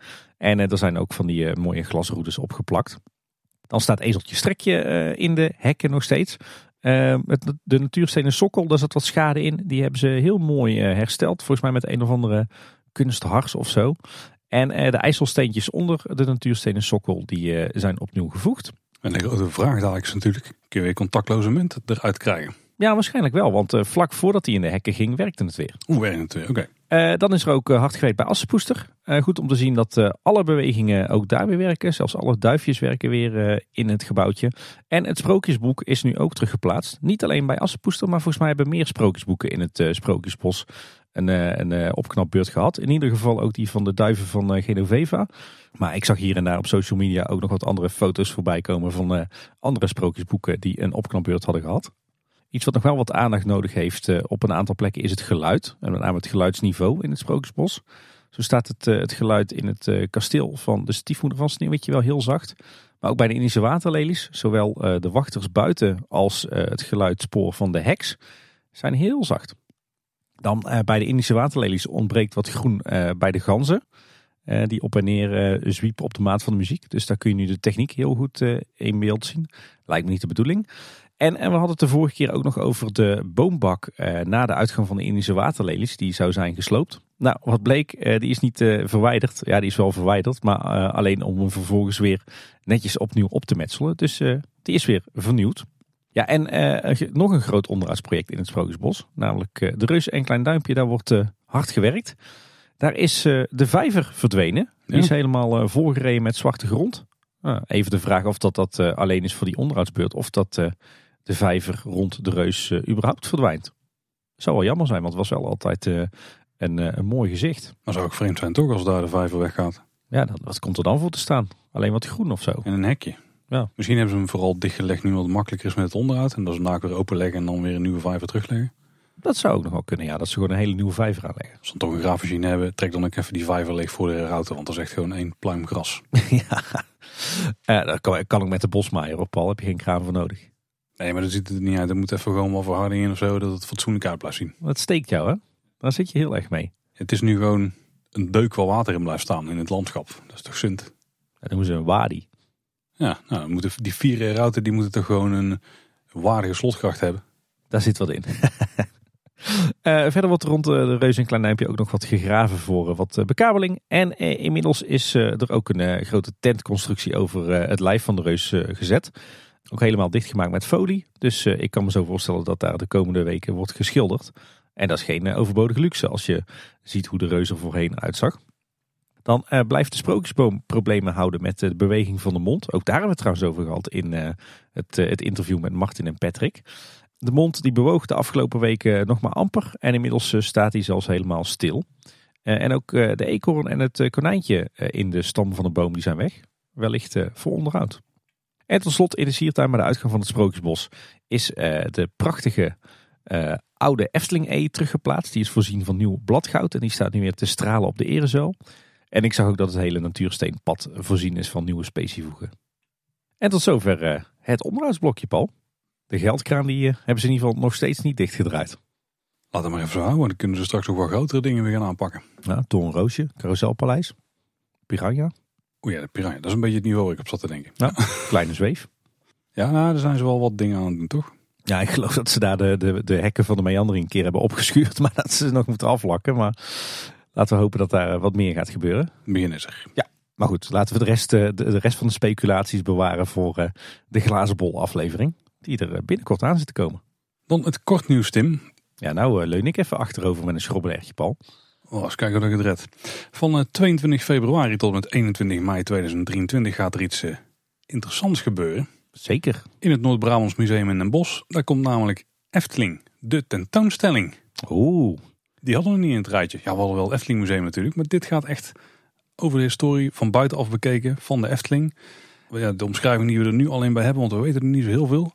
Is hoe komt het dat zoveel mensen zulke warme herinneringen koesteren bij de Efteling? Wat is het geheim? We geven een kijkje achter de schermen en laten zien, horen en voelen hoe een klein sprookjesbos met inzet van generaties bevlogen mensen in 70 jaar uitgroeide tot een attractiepark van wereldformaat. het zou deze tentoonstelling verzet zijn. Want het klinkt alsof dit ter gelegenheid van het 70-jarig bestaan van de Efteling was opgezet. Eh, even terugrekenen, ja, maar dan was het dus in een. Als het exact een jaar geleden had moeten plaatsvinden, bijvoorbeeld, zat het, zat het in de sluitingsperiode. Ja. Dus ze konden het nu al een half jaar van tevoren aan. Dus ik denk dat het risico toen niet wilden lopen of zo. Dat ook het, eh, het museum zelf dicht was, mogelijk. Ja, heel tof toch? Dit klinkt eh, wel heel veelbelovend. Daar moeten we zeker een kijkje gaan nemen. Ja, Noord-Brabants Museum is een, eh, een heel serieus museum. Dus ik ben heel benieuwd wat ze allemaal gaan tentoonstellen. Ik denk dat al onze luisteraars er wel een keer naartoe moeten. Dat denk ik ook wel. En de Raad de Wijze die heeft er weer een onderzoek uitgestuurd. Op zich is dat niet echt nieuwswaardig, maar het ging in dit geval over wachten. En er waren een paar categorieën waarbij je dan kon aangeven hoe belangrijk je het vond in wachtrijen. En dan kunnen ze ook hints in zitten. In waar ze dus misschien nog wat dingen willen gaan doorontwikkelen in wachtrijen. Of waar ze dan, eh, mee, wat ze mee willen nemen in nieuwe wachtrijen die gaan ontstaan in het park. Een aantal eh, van de zaken waar ze dan die mening over vroegen waren eh, wachttijdinformatie in de wachtrijen. Ja. Eh, zitplaatsen in de wachtrijen. Dat er de mogelijkheid is om naar het toilet te gaan terwijl je aan het wachten bent. Eh, horeca, dus dat je iets kunt kopen, iets te eten of te drinken tijdens het wachten. Dat er muziek te horen is. Dat er live entertainment is in de, de wachtrij. De thematisering van de rij. De, de ruimte die je hebt, dus dat je naast elkaar kunt staan in de rij. Dus eigenlijk de breedte van de wachtrij, zeg maar. Hoe belangrijk vind je die? Ehm, of dat er in het algemeen vermaak is. Het ging zelfs over spelletjes of zo die je dan zou kunnen doen. Denk aan, ik denk, eh, vang de kevers of vang de maaikevers. Wat je Ja, bij Max ja. hebt. En dat er beschutting is, ja of nee? Ja, en jij stuurde mij een screenshotje van eh, wat jij had ingevuld bij al deze items. En ik dacht bij mezelf, Paul, je had dit helemaal niet hoeven doorsturen, want ik had dit voor jou kunnen invullen. Dat denk ik ook wel, ja. Met name beschutting scoorde bij jou heel hoog. En muziek trouwens ook. En de live entertainment. Scoorde bij jou heel laag, bij mij wel heel hoog. Ja, dat dacht ik al wel. En er werd ook een vraag gesteld over wat voor jou de maximale acceptabele wachttijd per attractie was. Dus eigenlijk vroegen ze gewoon vanaf wanneer sla attractie over. Nou was die vraag op zich niet zo heel interessant. Want die had je wel verwacht denk ik als je de titel van het onderzoek had gehoord. Maar ze hadden daar ook een soort van attractieclassificatie gemaakt. En die vond ik wel interessant. Waarbij je maakt ze onderscheid eigenlijk in vier categorieën. De eerste was acht banen. En dan geven ze voorbeelden Joris en de Draak, Baron 1898 en de Vliegende Hollander. En dan ben ik dus benieuwd dat Max en Moritz er ook onder valt. Want die zou eventueel ook onder de volgende kunnen vallen. De grote familieattracties, zoals Symbolica, Droomvlucht en Carnaval Festival.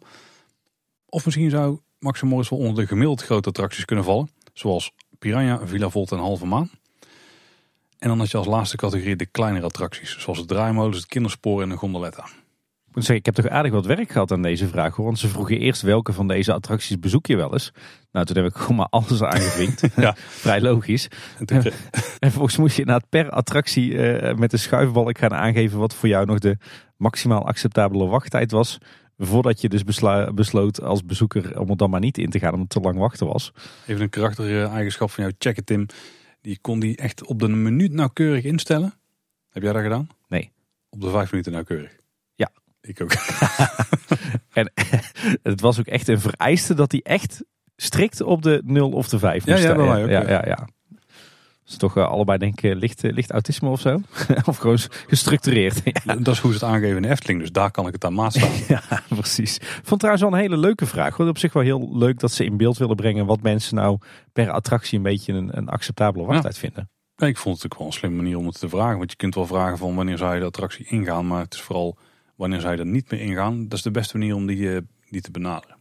Ja, er zaten sowieso wel heel veel interessante vragen nog in. Hoor. Eh, Dingen als wat, wat doe je eigenlijk in een wachtrij? Wat, wat, wat, wat vind je nou belangrijk? Eh, heb je nog tips? Eh, zijn er ook leuke dingen aan wachten? was een, vraag. Maar ook welke informatie wil je allemaal weten voordat je besluit om een attractie in te gaan? Er werd ook heel specifiek gevraagd wat moet er op de attractieborden komen te staan. Ik weet dat we één luisteraar hebben die is altijd heel fanatiek in attractieborden. Dus die zal hier helemaal los zijn gegaan bij deze vraag. Ja, vooral de wachttijdindicatie daar. Hè? Dat vond hij belangrijk. Ja, ja, ja. Een heel tof onderzoek. ja zeker. Nou, we weten ook dat de Efteling een hoop abonnementhouders heeft. Ze zijn altijd vrijgesloten over het aantal wat ze hebben.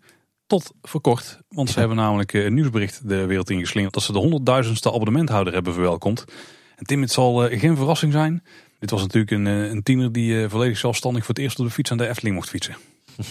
ja, bijna, Paul. Nee, bijna. het was gewoon weer een eh, standaard doorsnee Nederlands gezinnetje met twee kinderen. Oh, oh, maar wacht, normaal gesproken is het een jongen en een meisje. Ja? Nee. En nu waren het twee meisjes. Ja, zat er iets minder te kiezen dan bij de zoveelste bezoeker die door de poorten loopt natuurlijk. Ja.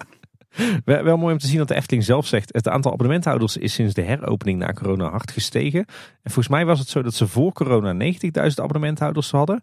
Dat dat tijdens corona terug is gezakt naar 60.000 en dat ze nu dus op 100.000 zitten. ja, zoiets. Ja. Ja. Toch uh, forse aantallen hoor. Ja, er zijn een hoop van die cijfers nooit echt bevestigd. Maar Nou ja, in het kader van die discussie over 5 miljoen bezoeken of bezoekers... is toch weer ja, de vraag of dat je heel erg triomfantelijk moet zijn... over je 100, eh, 100.000ste abonnementhouder natuurlijk. Ja, er is ook een, een Efteling die toch meer bezoekers wil trekken. Dat is namelijk de mini-Efteling, want die sluit toch niet definitief. Eigenlijk zou het park gaan sluiten op 1 oktober dit jaar. En wij zouden er nog een aflevering over moeten maken. En met planningstechnisch heel krap. Ja, Oeh, we kunnen het nu even uitstellen. En ze hebben het laatste seizoen ook zo heel veel reacties gehad van bezoekers. Dat ze na lang overleg hebben besloten om toch niet definitief dicht te gaan. Terwijl dat de directeur Imre van der Veldhoven vanaf 1 oktober zijn functie neerlegt. Na 18 jaar. zo. En dat de mini Efteling alleen nog maar van april tot en met oktober open is. En ze zijn dus nog steeds op zoek naar een opvolger van Imre. Dus ja, een, een jonge, technisch aangelegde Efteling-liefhebber. Nou, die moet in, ons, eh, in onze groep luisteraars toch vastzitten. Ja, en, en neem maar aan, de mini-Efteling eh, is toch wel gebleken dat het echt een eh, enorm goede opstap is om verder te komen in de wereld van de Efteling en de pretparken. Want er zijn aardig wat eh, ja, talenten in de pretparkwereld die ooit begonnen zijn bij de mini-Efteling. Dan nog wat, wat kleine nieuwtjes. zo viel mij op dat ze zijn gestart met mobiel camera toezicht in de fietsenstalling. Waarschijnlijk naar aanleiding van wat, wat diefstallen daar. en bij de Python zijn nu de boardingpasautomaten definitief weggehaald. En ook goed om te zien dat naar aanleiding van een opmerking van een Efteling-liefhebber op Twitter... de informatie over de kolf- en stilteruimtes in de Efteling zijn uitgebreid. Ja, als een heel helder verhaal, zag ik. Ook over waar je de, de sleutels kunt halen en zo. Dus uh, dat is een goede ontwikkeling. Ook een paar horeca nieuwtjes Tim, want de Toko Pagode is eindelijk weer open. Die was natuurlijk gesloten vanwege het grote onderhoud aan Pagode en ook gewoon het gebied daaromheen. Maar je kunt daar eindelijk weer eh, jouw favoriete magnetronwokmaaltijden halen. ja. Ik verkoop het goed hè? Ik denk met weemoed terug aan de tijd van de kip. Maar het smaakt nog steeds goed ook. De boombanken bij de glazen kat Tim, die zijn eindelijk weer terug. Ja, inderdaad. Mooie eh, bankjes die speciaal voor die bomen gemaakt eh, waren. Weggehaald tijdens corona. En ik denk uh, vergeten, maar nu uiteindelijk alsnog teruggeplaatst. Efteling kwam zelf met een blogartikel over dineren en sluitingstijd. Dat kan namelijk op een aantal locaties in het park en bij de verblijfsaccommodaties. En daarbij is de lijst die ze noemen wel interessant. Want de locaties zijn namelijk het Wapen van Ravelijn, Bekkerij Krummel, Vrouw Bolters Kuge, Fabula, Polles Keuken en Pinocchio. Maar Krummel, Vrouw Bolt en Fabula zijn niet nieuw. Ik weet wel dat ze open waren tot ongeveer Aquanura, zeg maar. Dat je er zeker bij Vrouw Bolters en Krummel nog wat kon halen. Het Fabula restaurant is sowieso nieuw dat ik weet. Ja, ja, ik vraag me ook af wat ze hier zien als dineren na sluitingstijd. Kijk, volgens mij is het zo dat alle, bij alle restaurants de rij open blijft tot, uh, tot sluitingstijd. En dat ze die mensen die in de rij staan, dat die nog een eten en drinken kunnen halen. Uh, ook al is het park gesloten. En dat ze het ook nog rustig kunnen opeten. Dus ja, wat dit dan betekent, of zou de rij daar dan ook nog langer open blijven dan sluitingstijd? Ik heb geen Ik kan me voorstellen dat het sowieso bij de, degene in het, noemen het, het uitgangsgebied, dus eigenlijk die laatste drie, dat die dan tot een kwartier naar Aquanura nog open zijn of zo? Ja. Zou ze dan verwachten dat mensen nadat ze die show hebben gekeken niet naar de uitgang gaan, maar naar een van de horecalocaties? Zou op zich wel gunstig zijn voor de verspreiding van uh, het uitgaande eh, de uitgaande mensen maar zomaar. Ja, nou, moeten we even induiken. Misschien dat een van onze luisteraars meer weet. Nou, nog een paar merchandise updates. Die uh, achtbaan souvenirs, waar we het de vorige keer al over hadden, die liggen pas begin oktober in de winkels. Dus duurt nog even dat je die echt kunt scoren. En uh, ja, dan Tim, ja. een nieuwe souvenirlijn die toch wel de moeite is. Ja, een uh, servicelijn, maar deze keer niet van Blond Amsterdam. Nee, dit is echt Efteling servies. namelijk een, een serie die ze Er Was Eens noemen. Ja, dat klinkt op zichzelf wel heel goed. En de eerste, de eerste set daarvan die bestaat uit een mok, een kom, een lunch en een dinerbord met verschillende tekeningen van uh, het sprookje van de Indische waterlelies. Maar het gaat vooral om de ontwerpen die erop staan, want die zijn echt, echt goud. Ja, ja. niet, niet, letterlijk van goud, maar nou, wel met gouden touches. Ja, precies. Uh, het zijn uh, nieuwe ontwerpen van uh, grafisch ontwerper Jasper Douwenburg van de Efteling zelf. En die heeft schetsen van Anton Pieck ter inspiratie gebruikt. Ehm, hij zegt er zelf over, het zijn allemaal nieuwe illustraties met de hand getekend en later verfijnd, maar wel met de herkenbare tekenstijl van Anton Pieck in acht genomen. En het serviesgoed is gemaakt van wit porselein, met daarop lijnen in piekblauw en wat gouden accenten. We hadden het er al over. Het leuke is dat Jasper ook wat meer vertelt over piekblauw. Want hij zegt, sommigen vinden het blauw meer groen trouwens. Dat klopt ook wel. Het verhaal gaat dat in de beginjaren piekblauw echt blauw was. Wanneer een blauw bankje een tijdje buiten in de zon staat, dan vergeelt het toch een beetje. En met de tijd vergroende de oorspronkelijke kleur dus en werd dit de kleur piekblauw. Nou, volgens mij zit er voor iets anders in de stil. Uh, want Piek gebruikte deze kleur gewoon in zijn tekeningen al lang voordat er een, uh, een Efteling was. Uh, en die baseerde dat op, op oude pigmenten, oude blauwe pigmenten die inderdaad verkleurden naar groen onder invloed van de zon. Maar het is dus niet zo dat bankjes in de Efteling blauw werden geverfd en daarna groen kleuren. Die oorsprong van deze kleur ligt veel eerder. Klinkt uh, ook plausibel. Plausibel. Efteling zegt dat als een set goed loopt, dat ze hier uh, na verloop van tijd een servieset van een ander sprookje of attractie aan gaan toevoegen. Dus ik heb, ik heb het niet in de gaten gehouden, in, maar afgelopen maandag toen kwam het in, in de Efteling uit. Er waren lange rijen, vechtpartijen en dat soort dingen. Nee, ik heb wel foto's gezien dat het daadwerkelijk in de winkels lag, maar hier deze keer geen massa-hysterie. Nou, dat betekent niet dat de set niet goed gaat lopen.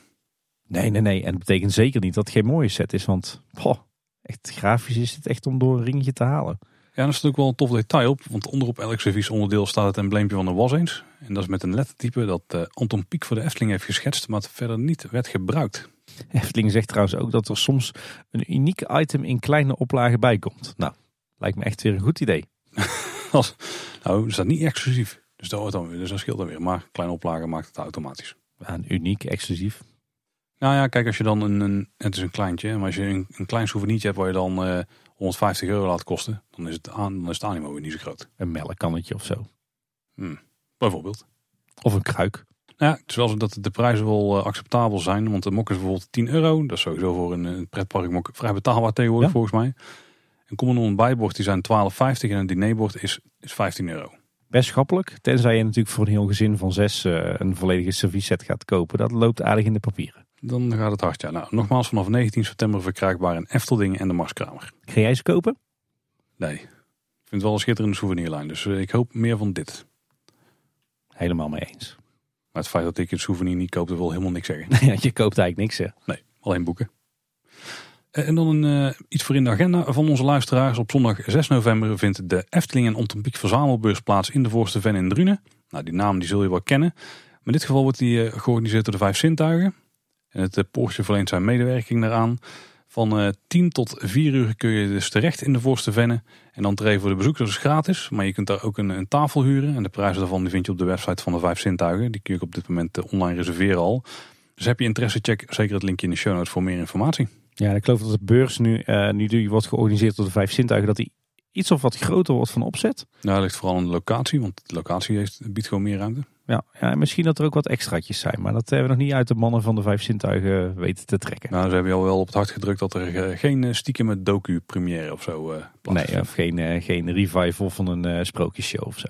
Tim dan nog de vacatures. Op zich niet zo'n hele spannende vacatures, maar wel een klein stukje leuke informatie. De Efteling zoekt namelijk een store manager voor eh, wat ze zelf de flagship store noemen Efteldingen. En ze noemen het zelfs de Efteldingen. Dat is ook de eerste keer dat ik Oh. dat zie. De Efteldingen inderdaad, ja. Dat, dat klinkt een beetje als eh of de Baron 1898. Ja. Of de 834 mensen die onze podcast de kleine boodschap noemen. Dat eh, is niet zo mensen. Nee. Anders hadden we dat wel in de titel gezet. Hè? En het interessante detail wat ze daar dan bij schrijven is dat er circa 1 miljoen mensen zijn die deze winkel bezoeken per jaar. Ja. Geen idee hoe ze dat hellen, want dat geloof ik bijna niet.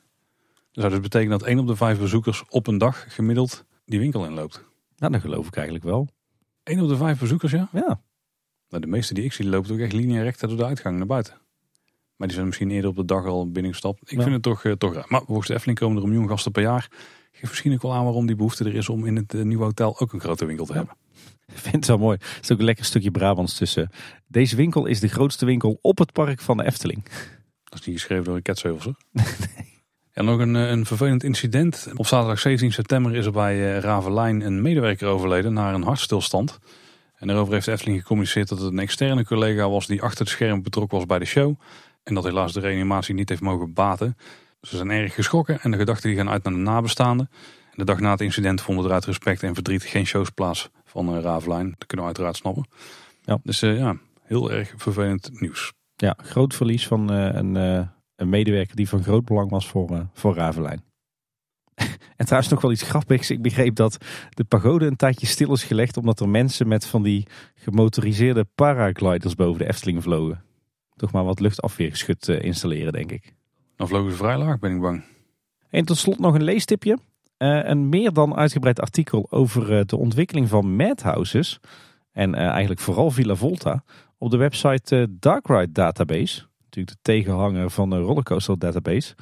Eh, website van volgens mij een aantal Nederlandse gasten. Ja, ook luisteraars soms er tussen. Ja. Ja, dus eh, ergens ook geen verrassing dat eh, Villa Volta daar zo'n mooi artikel krijgt. Absoluut de moeite waard. Heel leerzaam. En met medewerking van Len Clemens bijvoorbeeld. Dus sowieso heel interessant. Ja.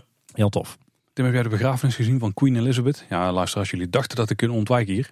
Ik heb daar weinig van gezien omdat mijn broertje die dag trouwde. Nee, ik heb er dus ook vrij weinig van gezien, behalve enkele foto's. En er zat één foto bij zo recht door het gangpad in het midden van die kerk. Met van die oplopende kerkbank aan de zijkant. Ja, die foto heb ik wel gezien. ja, dat moet ik heel erg denken aan de Madhouse. Maar die grap die hadden al eh, heel veel mensen gemaakt. Ja. Ja, en eh, nadat ik daarop was gewezen in die tweet, kan ik het ook niet meer anders zien dan dat, zeg Nee, maar. ik heb exact hetzelfde. hey Tim, het is tijd om weer eens wat reacties van luisteraars te behandelen. Nogmaals een herinnering, binnenkort in aflevering 300 gaan we nog veel meer behandelen. Dan met name voice clips. We hebben ook al een paar eh, andere vragen daarvoor eh, op de plank liggen. Kan je eigenlijk nog steeds voice clips insturen voor die 300ste aflevering? Ja, dat kan nog zeker hoor. Die kun je het beste mailen. Dat moet naar info.kleineboodschap.com. Maar dat is niet wat we vandaag gaan doen. Vandaag hebben we een aantal eh, geschreven vragen binnengekregen. Ja, de eerste vraag die komt van eh, Geert van der Put. Die schrijft, eh, beste heren van Kleine Boodschap, waarom ranken jullie de Vliegende Hollander beide zo laag? In mijn lijstje zou deze attractie zeker de top 5 halen. Ik snap dat jullie weten van de flinke kaasgaaf waar deze attractie mee te verduren heeft gehad en dat Tim de eigenlijke plannen weet. Maar zou het niet eerlijk zijn om dat in de ranking mee te nemen? Puur objectief zegt Geert zelf. De attractie heeft een van de mooiste façades van de Efteling. Een prachtige wachtrij die het verhaal op een hele goede manier vertelt. De mooiste opstaphal van de Efteling. En een iets wat karige, doch passend en mysterieus dark ride gedeelte. Oké, het achtbaangedeelte stelt weinig voor. Maar de splash is het perfecte element om de attractie af te sluiten. Kortom, naar mijn mening een veel te lage plaats voor dit pareltje. Met vriendelijke groet, trouwe luisteraar Geert van der Put. Misschien kan ik daar best op inhaken, Tim, want ik heb iets minder van die plannen natuurlijk meegekregen. Hoewel ik vaak mijn best doe, krijg ze ook niet echt uit jou gehaald. Maar dat is natuurlijk dat, uh, net als bij de Efteling helemaal ingestampt, dat dat niet de bedoeling is. Nog steeds de geheimhoudingsplicht. Ja, ja, ja. En uh, nou, ik ben het op een deel van de punten ben ik het met je eens. Een van de mooiste façades van de Efteling. Ja, er zit zeker toffe elementen aan, maar top 3 haalt hij niet denk ik bij mij. Uh, prachtige wachtrij, absoluut. Opstaphal is ook zeker prima. Ja, en dan komen we eigenlijk bij de, de punten waar de attractie toch een beetje laat liggen. Want dat is het gevoel wat ik altijd heb. Het is een attractie met zo enorm veel potentie, maar die er dan net niet uitkomt. Um, en in het Dark Ride gedeelte zit, uh, zit onder andere een van de geniaalste scènes, vind ik, in de Efteling. En dat is dus uh, de, de open zee scène met die mist en zo. Ja. Weet je wat het is bij de Vliegende Hollander? Ik denk als je er de eerste keer ingaat, dat je dan denkt van, oh was kort, maar ik vond het wel heel vet. Maar als je er vaker in gaat en je gaat dus wat meer om je heen kijken, dan valt het op heel veel plekken toch een beetje door de, door de mand. Uh, buiten de boot. Nee, door de mand is in dit geval toch een beter. Want je ziet best wel veel gewoon van de techniek en van de afwerking. En daar haalt je toch wel punten wel eruit. Ik denk dat de lift heel het allerbeste voorbeeld is. Als je recht vooruit blijft staren met de tunnelvisie op... Uh, ja, dat toch wel, ja, oké, die, die reflecties wel aardig, maar je ziet aan alle kanten zie je al dat de geluiddemmend materiaal hangen en zo. En bijvoorbeeld het gezicht wat verandert in die schedel op de, als je vasthangt op de lift, dat is ook een vrij karig effect, zeg maar. En ook als je, je moet het niet doen nog, maar als je dus naar het watergordijn gaat en je kijkt dan een beetje om je heen. Uh, doe het niet, doe het niet, ik raad het af. Maar op heel veel plekken hadden ze gewoon net wel meer uit kunnen halen. En, ja, ik weet niet, het is een attractie bij de Efteling waarbij dat toch wel echt voelt. Uh, ja, les is morgen zeggen we vaak.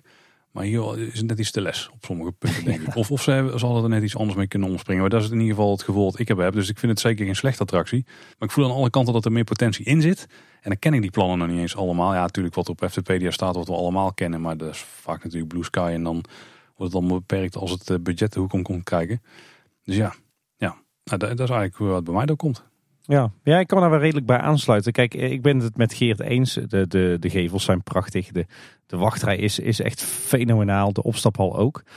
Maar ja, verder, er is best wel veel aan de Vliegende Hollander net niet. Wat je al zegt, het Dark Ride stuk. Ja, dan mis je gewoon decor, dan mis je animatronics. Uh, uh, de boot is het net niet. De, de achtbaan is het net niet. En, dat zeg ik niet alleen omdat ik weet wat het had moeten worden en had kunnen zijn. Maar ook gewoon überhaupt als ik daar nu zonder dat die kennis van het verleden inga, of ik probeer het in ieder geval weg te denken, dan denk ik ja, de Vliegende Hollander is eigenlijk vanaf het moment dat je de opstaphal uitvaart, ja, is het toch op een aantal punten net niet. En ik vind de allerbeste Efteling attracties, die zijn echt compromisloos. Hè? Die zijn gewoon 100% af en top. Denk aan een Fata Morgana, denk aan een Baron 1898, denk ook aan een Symbolica of Villa Volta. Die zijn voor mij gewoon echt compromisloos. En dat heeft de Vliegende Hollander uh, minder. Plus ja, je hebt gelijk Geert, tuurlijk ben ik ook gekleurd. En door het feit dat ik de plannen ken. Ja, en ook wel door ja, alles wat ik in die, uh, die twee jaar dat ik heb mogen meewerken aan de bouw van de Vliegende Hollander heb meegemaakt.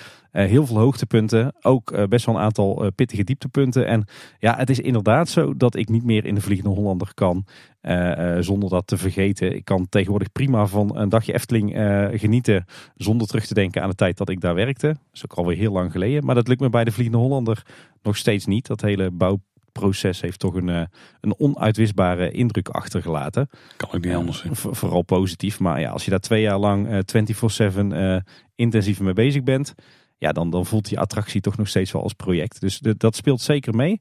Maar ja, nee, ik denk dat het, het grootste issue gewoon is dat de Vliegende Hollander na de opstaphal ja, gewoon een beetje het net niet is. Goede samenvatting. In twee woorden. Ja. Dan kregen een heel interessant berichtje van Sandra van Scheppingen via LinkedIn. Daar zitten we overigens niet als kleine boodschap, maar wel als Tim en Paul. En zij zegt, of zij vraagt welk modern of moderner sprookje zou Kleine Boodschap willen toevoegen aan het Sprookjesbos. Het Sprookjesbos is natuurlijk het kloppend hart van de Efteling. Over het algemeen zijn de sprookjes die daar te vinden zijn opgetekend in de eerste helft van de 19e eeuw, toen de West-Europese maatschappij nog overwegend wit was, de vrouwen vooral zorgden en de mannen geacht werden het inkomen te regelen en het gevaar te lijf te gaan. En begrijp me niet verkeerd, ik hou van het huidige Sprookjesbos en kom er graag. Wat er nu staat is een logische en prachtig vormgegeven weerspiegeling van wat toen de werkelijkheid en geaccepteerde moraal was. Los van wat we daar nu van mogen vinden. Dus welk modern sprookje zouden wij graag willen toevoegen aan het Sprookjesbos? Nou, ik zit hier met een klein probleem. Ik heb geen idee welke moderne sprookje zou zijn. Ja, ja, ik weet niet of het per se modern moet zijn. Het gaat haar denk ik vooral om een beetje ja, een wat inclusiever sprookje. He, want nu zijn het inderdaad vooral uh, sprookjes met, uh, met uh, witte figuren waarbij de man de helderrol speelt. Moet het sprookjesbos inclusiever worden? Ja, nou ja, je zou het op zijn Disney's kunnen doen. Hè? Je hoeft niet per se in de stereotype karakters te blijven hangen. Je kunt best als je een sprookje doet waarin een, een meisje centraal staat, daar ook gewoon een meisje met een donkere huidskleur van maken. Net als Disney nu met Ariel bijvoorbeeld, wat in de originele animatiefilm natuurlijk een, nou ja, gewoon bijna een spierwitte uh, zeemermin was. Ja. En die nu ook gekleurd is. Dat, dat, lijkt me op zich al een prima ontwikkeling, want er is geen enkele reden om dat niet te doen. Nee, de blauwe vee in Pinocchio natuurlijk, recent. Ja, bijvoorbeeld. Dat zou sowieso al een manier zijn om het te kunnen doen. Ik, zo, op dit moment schiet mijn kennis maar even tekort, denk ik hoor. Ja, ik moet zeggen, terwijl ik jou laat nadenken, zal ik mijn visie erin schieten. Kijk, ik denk dat je sowieso niet aan de, de huidige sprookjes moet komen en moet proberen om die meer woke te maken. Ik bedoel, het Sprookjesbos, dat zie ik maar als een soort galerie met allemaal kunstwerkjes. En die kunstwerkjes die zijn gewoon af en in de gedachten uh, van de tijd dat ze zijn vormgegeven en ontworpen. In die gedachten die toen leefden, zijn ze ook gebouwd. Dus daar zou ik echt van afblijven. Nou je ziet ook wel met modernere toevoegingen, bijvoorbeeld de Zes Zwanen, dat daar dan de heldin toch wel de dame is die daar zit. Ook al is ze dan wel iets vrije stereotypes aan het doen, namelijk breien. Maar ze is wel de held in het verhaal in tegenstelling tot heel veel andere sprookjes. Ja, ja en ik vind ook de manier waarop de, de, de verschillende vrouwelijke sprookjesfiguren uh, in de hele sprookjesboom... Uh, uh, Cinematic Universe worden, worden doorgevoerd, vind ik ook goed. Hè? Want wat, bijvoorbeeld een rood kapje. dit is echt wel de, de, de heldin in het hele sprookjesboom saga. Ja, ja. ja. Ja. ik zou zeggen op het moment dat, dat de Efteling nu uh, nieuwe sprookjes gaat toevoegen van een, een Grim of een Perrault of Hans Christian Andersen. Dan zou ik, eh, in tegenstelling tot wat jij net zegt Paul, zou ik echt wel bij het origineel willen blijven. Ik zou niet zoals Disney, uh, zeker zoals Disney vroeger deed bij bijvoorbeeld de sprookjes van Sneeuwwitje en, en Assepoester en Doornroosje. Ik zou er niet allerlei verhaallijnen bij trekken. Ook niet om per se extra woke te zijn. Ik zou daar echt dicht bij de vertelling willen blijven.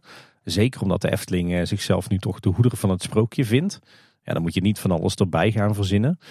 Uh, iets wat ik dan liever zou doen, is kijken, um, kunnen we toch niet wat meer aandacht gaan, uh, gaan besteden in het Sprookjesbos of in een eventuele uitbreiding van het Sprookjesbos aan de niet-westerse sprookjes. De Efteling heeft natuurlijk de laatste tijd heel veel gedaan met, met de sprookjes van Duizend en één Nacht. Dus het Midden-Oosten, daar hebben we al wel heel wat van gezien. Je zou natuurlijk uh, nog verder naar het oosten kunnen met, met wat meer Indische en Chinese sprookjes. Uh, daar kennen we natuurlijk ook al voorbeelden van in de Efteling. Maar wat denk je bijvoorbeeld van Russische sprookjes? Volgens mij is daar nog wel wat, wat uit te putten. wat denk je van de, de Noorse legendes en zagen, de IJslandse legendes en zagen? Lijkt me ook heel tof.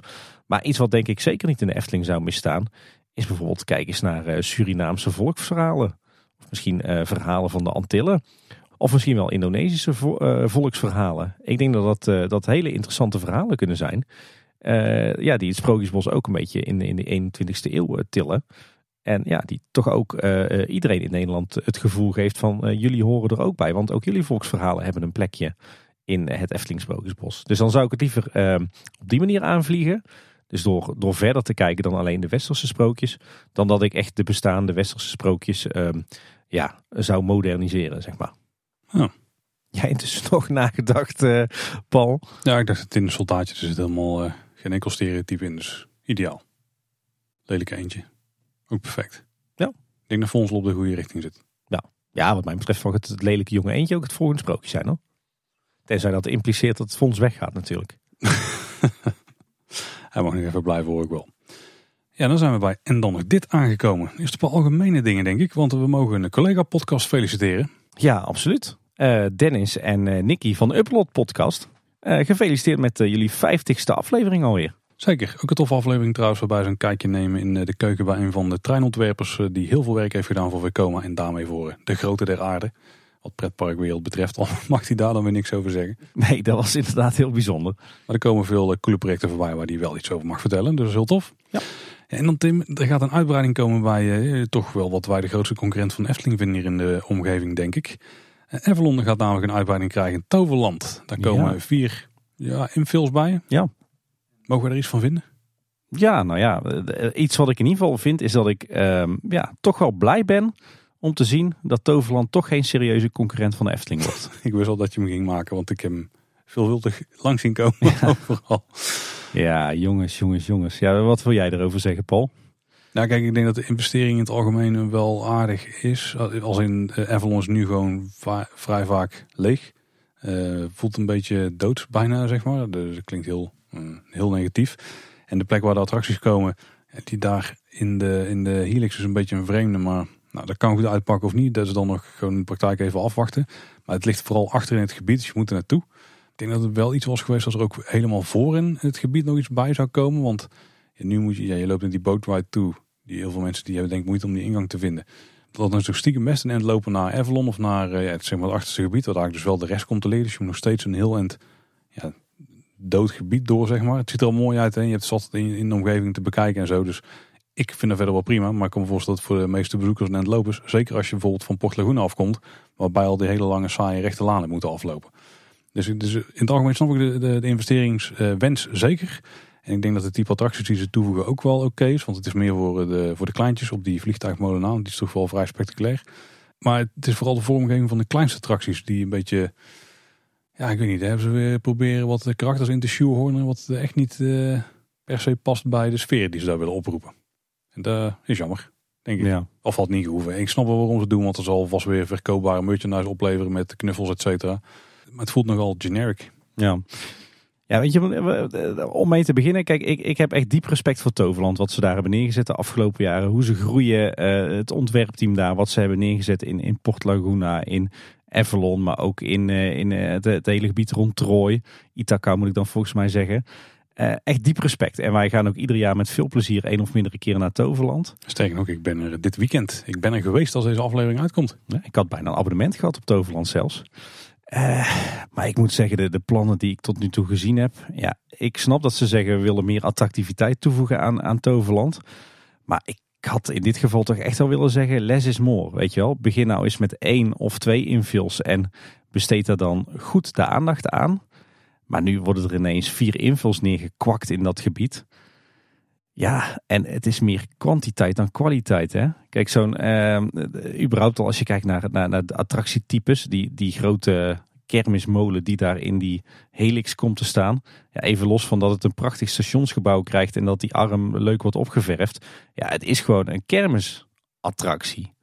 Ja, dat moet je toch niet willen als Toverland in zo'n prachtig gebied met zo'n prachtige landscaping, zo'n goedkope puke ride. Zou je niet een beetje de talenkanachtige truc willen uithalen? Dat je een, een puke ride pakt, maar die dan wel zo probeert in te kleden zoveel mogelijk, zodat het wel iets unieks wordt. Want de plek waar die staat en zo voegt daar wel iets toe, denk ik. Ja, maar het ding, het, het grote mechanische monster, dat blijft een kermisattractie. En dat ziet iedereen. Nou, omdat het in dit geval gewoon een, een verticale paal is met eraan een arm met een controle. Ja, ja. weet je, en, en zo'n ballonnenmolen, nou ja, qua, qua, qua layout en stijl en thema zou die volgens mij prima passen in bijvoorbeeld een Grand Circus Balancé bij de Efteling of uh, bij een Pixar Pier in Disney, weet je wel, een beetje in dat, dat kermis uh, circusachtige sfeertje. Ja, buiten dat deze best wel top zwaar zijn design-wise, zeg maar. Ja. Er zit best wel veel mechaniek bovenin, wat ja, daar kun je ook niet wegwerken. Ziet ook iedereen. Ja. Nee, maar goed, eh, ik zou die in, in bepaalde circus, eh, de klassieke circus themadelen, zou ik dat nog vinden passen. Zou ik best mooi kunnen vinden. Maar toch niet in Avalon. Het, slaat toch als een, als een tang op een varken. En, en nou, dan is er nog een, een draaimolentje met dan een, een of andere cartoonie bij. Nou, oké.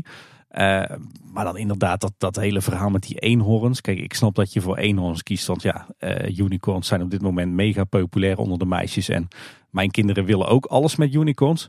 Maar maak er dan hele stijlvolle eenhoorns van die, uh, die in Avalon passen. En kies niet voor zo'n cartoonie van de plank eenhoorns. My Little Pony met een stok op het voorhoofd. Ja, dus ja, ik, ik, ik snap hier echt helemaal niks van. De attractietypes, maar zeker de vormgeving. Hoe kunnen ze dit nou doen? Je hebt daar zo'n prachtig themagebied en dan, dan maak je dit soort keuzes. Ja, ik snap echt niet waar dit is fout gegaan. Toverland kan toch zoveel beter dan dit? En als ik dit dan zie, dan denk ik ook wel eens van... ja, ergens is het maar goed dat de Efteling niet kiest voor uh, het, het, het, het ongebreideld toevoegen van infills. Want als dit, als dit infills zijn, dan kan je het beter inderdaad gewoon houden bij achtbanen, dark rides, sprookjes en speeltuinen. Ja, je had wel een paar interessante dingen aan. Moeten misschien niet te diep op ingaan. Maar Je hebt natuurlijk invuls ook een verschillende vormen en maten. hè. Als je, ehm, als je de theekopjes van Toverland vergelijkt met de Efteling, dan zijn die alweer een slag groter in de Efteling. En het wordt meer omkleed en zo, en daardoor voelt het al wat groter. Maar als je dan weer zo'n molentje hebt als Tolly Molly of zo, ja, dat is toch, blijft een beetje zo'n klein, zo'n 13 in een dozijn eh, attractie, weet je wel. Die vind je op heel veel plekken. En als je er alleen maar een ander plaatje overheen plakt, dan is het niet super bijzonder. En van dat niveau voelen de attracties wel hier. Maar nogmaals, ik snap de investering dus wel. En eh, ik weet niet of het ergens fout gegaan. Ik denk dat er gewoon een paar afdelingen zijn die daar graag eh, een, eh, een zegje in willen hebben gehad. Of misschien wel vanaf bovenaf, hè, een beetje op zijn max. Ja. Met CK dan in dit geval natuurlijk. Ze willen daar meer divers publiek heen trekken naar, eh, ja, naar het einde van Avalon. of zo, naar het einde van de wereld. En ze willen attractiecapaciteit toevoegen. Al weet ik niet zeker dat ze die nu per se nodig hebben in Toverland. Want Nee. Op een paar attracties waar gewoon de capaciteit van de attractie het probleem is, is het druk. Maar de rest van het park is het altijd goed te doen. Ja, nee, maar ik snap de investeringen. Maar doe dat dan met een passend attractietype. En thematiseer die dan ook passend in je themagebied. En ik weet dat ze het kunnen. Ja, nee, zeker. Ook de, de, de, wijzigingen aan de Ja. die zijn heel tof. En ik vind ze af en toe ook, ook, ook zo zwalken. Dat je denkt van ja, welke kant willen jullie nu op, weet je wel. Voorheen was natuurlijk een veelgehoorde klacht van Toverland is te veel voor kleine kinderen. Eh, en nu voegen ze, ja, voegen ze zo'n zo'n zo'n kermisarm toe. Ja, de- daar, ik, ik heb de indruk dat, dat het voor jongeren nog steeds Toverland toch een, een wat kinderachtige naam heeft. Eh, maar tegelijkertijd, ik vraag me ook af of Toverland voor gezinnen nog heel erg aantrekkelijk is. Door dit soort kermismonsters toe te voegen. En dat is ook iets wat ik zelf ook wel heb ervaren op de Toverland camping. Die ja, werd dan een beetje gemarket voor gezinnen. Maar er zaten ook heel veel jongeren. En daardoor was het hier eigenlijk ook niet echt een sfeertje wat je op een gezinscamping wil hebben. Dat zie je ook weer bij zo'n Toverland Live. Aan de ene kant willen ze heel erg volwassen zijn. En richten ze zich heel erg op die, die jongeren. Bijna die Walibi Holland doelgroep. En aan de andere kant zitten ze toch ook nog op die gezinnen. En ja, in die zin ben ik blij dat de Efteling dus zegt van nou, wij gaan niet voor de puke rides, wij gaan niet voor een goedkope camping, wij gaan niet meer voor een zuipfestijn, wij richten ons op die extended family. En, en Toverland die, ja, die zwalkt een beetje tussen, ja, zijn we nou voor de, de, de, de gezinnetjes en de kleine kinderen of zijn we nou voor die, die hardcore jongeren die, die, die echt voor de, de vette attracties gaan. En ja, daardoor is het voor mijn gevoel van beide kanten net niet. Ja, ze doen op zich wel iets voor beide. Want ze komen ook los te liggen. Als voor de kleine kinderen komt achterin. En de spectaculaire komt in die eh helix staan. Wat dan wel meer aan de voorkant van het gebied is. Nou ja, eh, investeringen zijn goed, maar de, de manier waarop het is uitgewerkt, ja, ik, eh, ja, wat ik zeg, denk dat het een opluchting is dat, eh, dat Toverland toch geen, eh, geen serieuze concurrentie wordt voor de Efteling. Zullen we naar een andere soort van concurrent van de Efteling gaan? Op iets meer afstand. Wel dichter bij Toverland. En dichter bij de Efteling qua kwaliteitsniveau. Nou, heb ik ook nog wel over te zeggen misschien. Wel om even te prikkelen. Nee, ik ben naar Fantasieland geweest. Voor het eerst in, eh, we hebben het uitgerekend, volgens mij ruim 25 jaar. Zo, dat was, was hard nodig. De laatste attractie die ik heb meegemaakt die daar was geopend was eh, Mystery Castle. En volgens mij is er van alles wat ik daarnaast toen heb meegemaakt, nou misschien eh, de draaimolen in uh, Alt-Berlin of zo nog. Maar de rest was allemaal nieuw voor mij. Je bent net, net na de grote brand eh, nog een keer geweest. Nee, voor, voor de grote brand. Ik heb nog in die Oh, ja. oude, eh, oude Logfilm en eh, en die oude Mindtrain-achtige unit gezeten.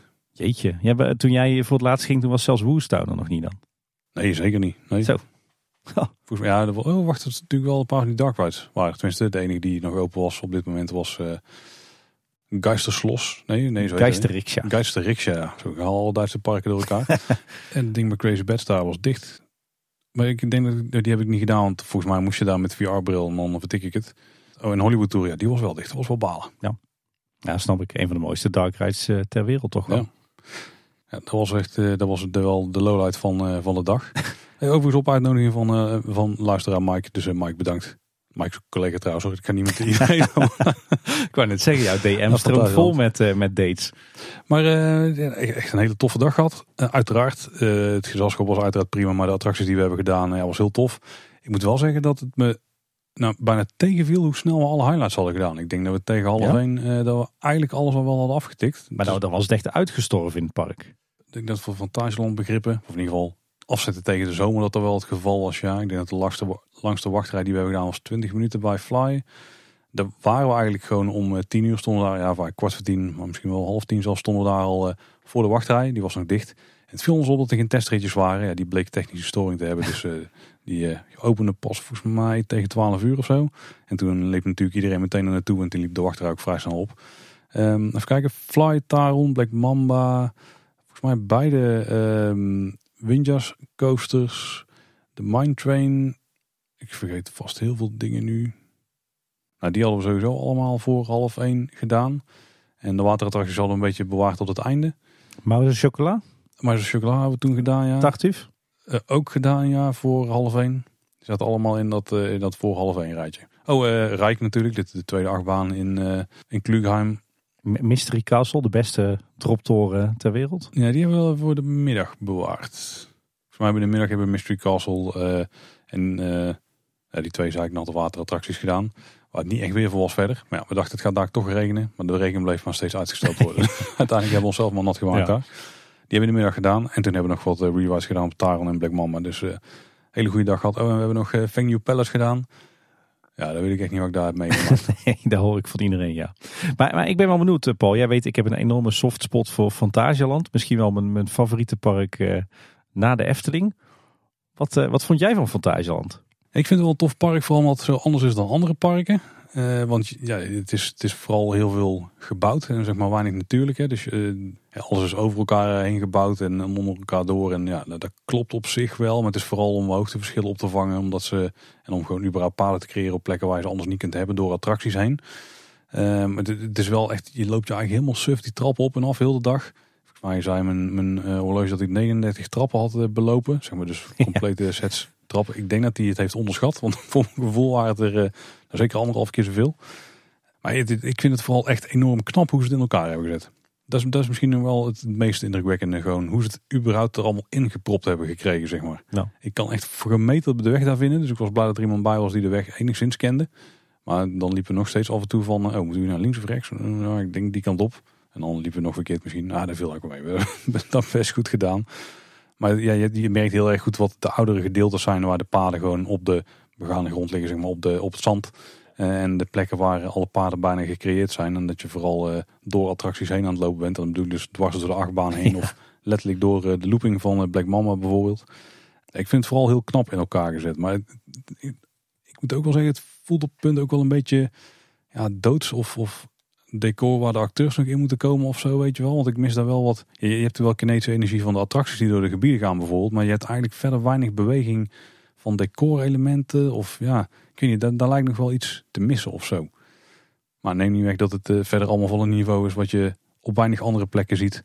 Met een enorm bijzonder design en een bijzondere layout van het park aan zich. En een paar hele bijzondere uh, achtbanen trouwens ook. Met name Taron en uh, Fly. Dus ik snap wel waar, waar het lof van het park vandaan komt. Ja. ja. Europa Park of Fantasieland? Fantasialand. Disneyland Parijs of Fantasieland? En daar gaat Disneyland Parijs in mijn geval toch nog wel boven. Ja, ik denk esthetisch ook wel hoor.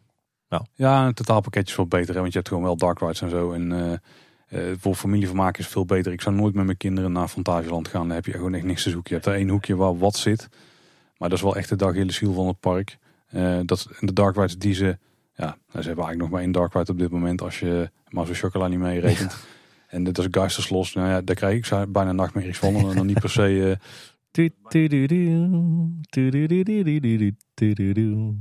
Nou, ik moet zeggen trouwens dat daar het laatste stukje wachtrij was wel oké. Okay. Dat is net dat je door een stukje bos loopt. Toen het Klopt, ja. toe. Dat is eigenlijk best wel goed. Ja. Alleen het was vooral, uh, ja, het is bijna dat je naar zo'n soort uh, animatronic kerkhof zit te kijken ja. of zo. Niet omdat die animatronics eruit zien omdat ze op een kerkhof staan, maar wel omdat die gewoon, ja, je ziet bijna alle mechaniekjes lopen en bewegen en zo zeg maar echt heel fout. Ja. Hoe vond je Fly? Dat is de enige attractie in Fantasieland die ik zelf nog niet heb gedaan. Fly vond ik, uh, vond ik eigenlijk wel vet. En zeker niet mijn favoriet uit het park. En dat heeft, vooral, dat heeft eigenlijk met één, één ding te maken. Dat um, Fly is natuurlijk zo'n flying coaster. En je wordt gekanteld en je hebt de neiging om heel de tijd naar boven te kijken. Zeg maar. Dan moet je fysiek ook echt wel moeite doen om naar boven te kijken. Dus de natuurlijke kijkrichting is niet de richting waarheen je beweegt. Um, en het nadeel is dat de momenten dat die achtbaan echt goed werkt. is als je even wat uh, negatieve G-krachten ervaart. Dat je ja, je wat vrijer voelt in de tuigje waar je in hangt.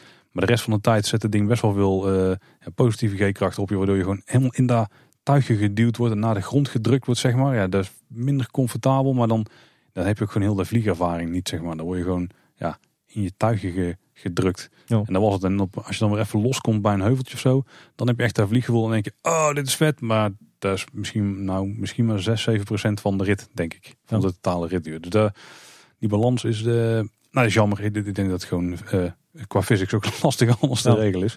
Maar dit had eh, van heel veel airtime, zeg maar, echt wel... nou, had het dat die achtbaan veel toffer gemaakt.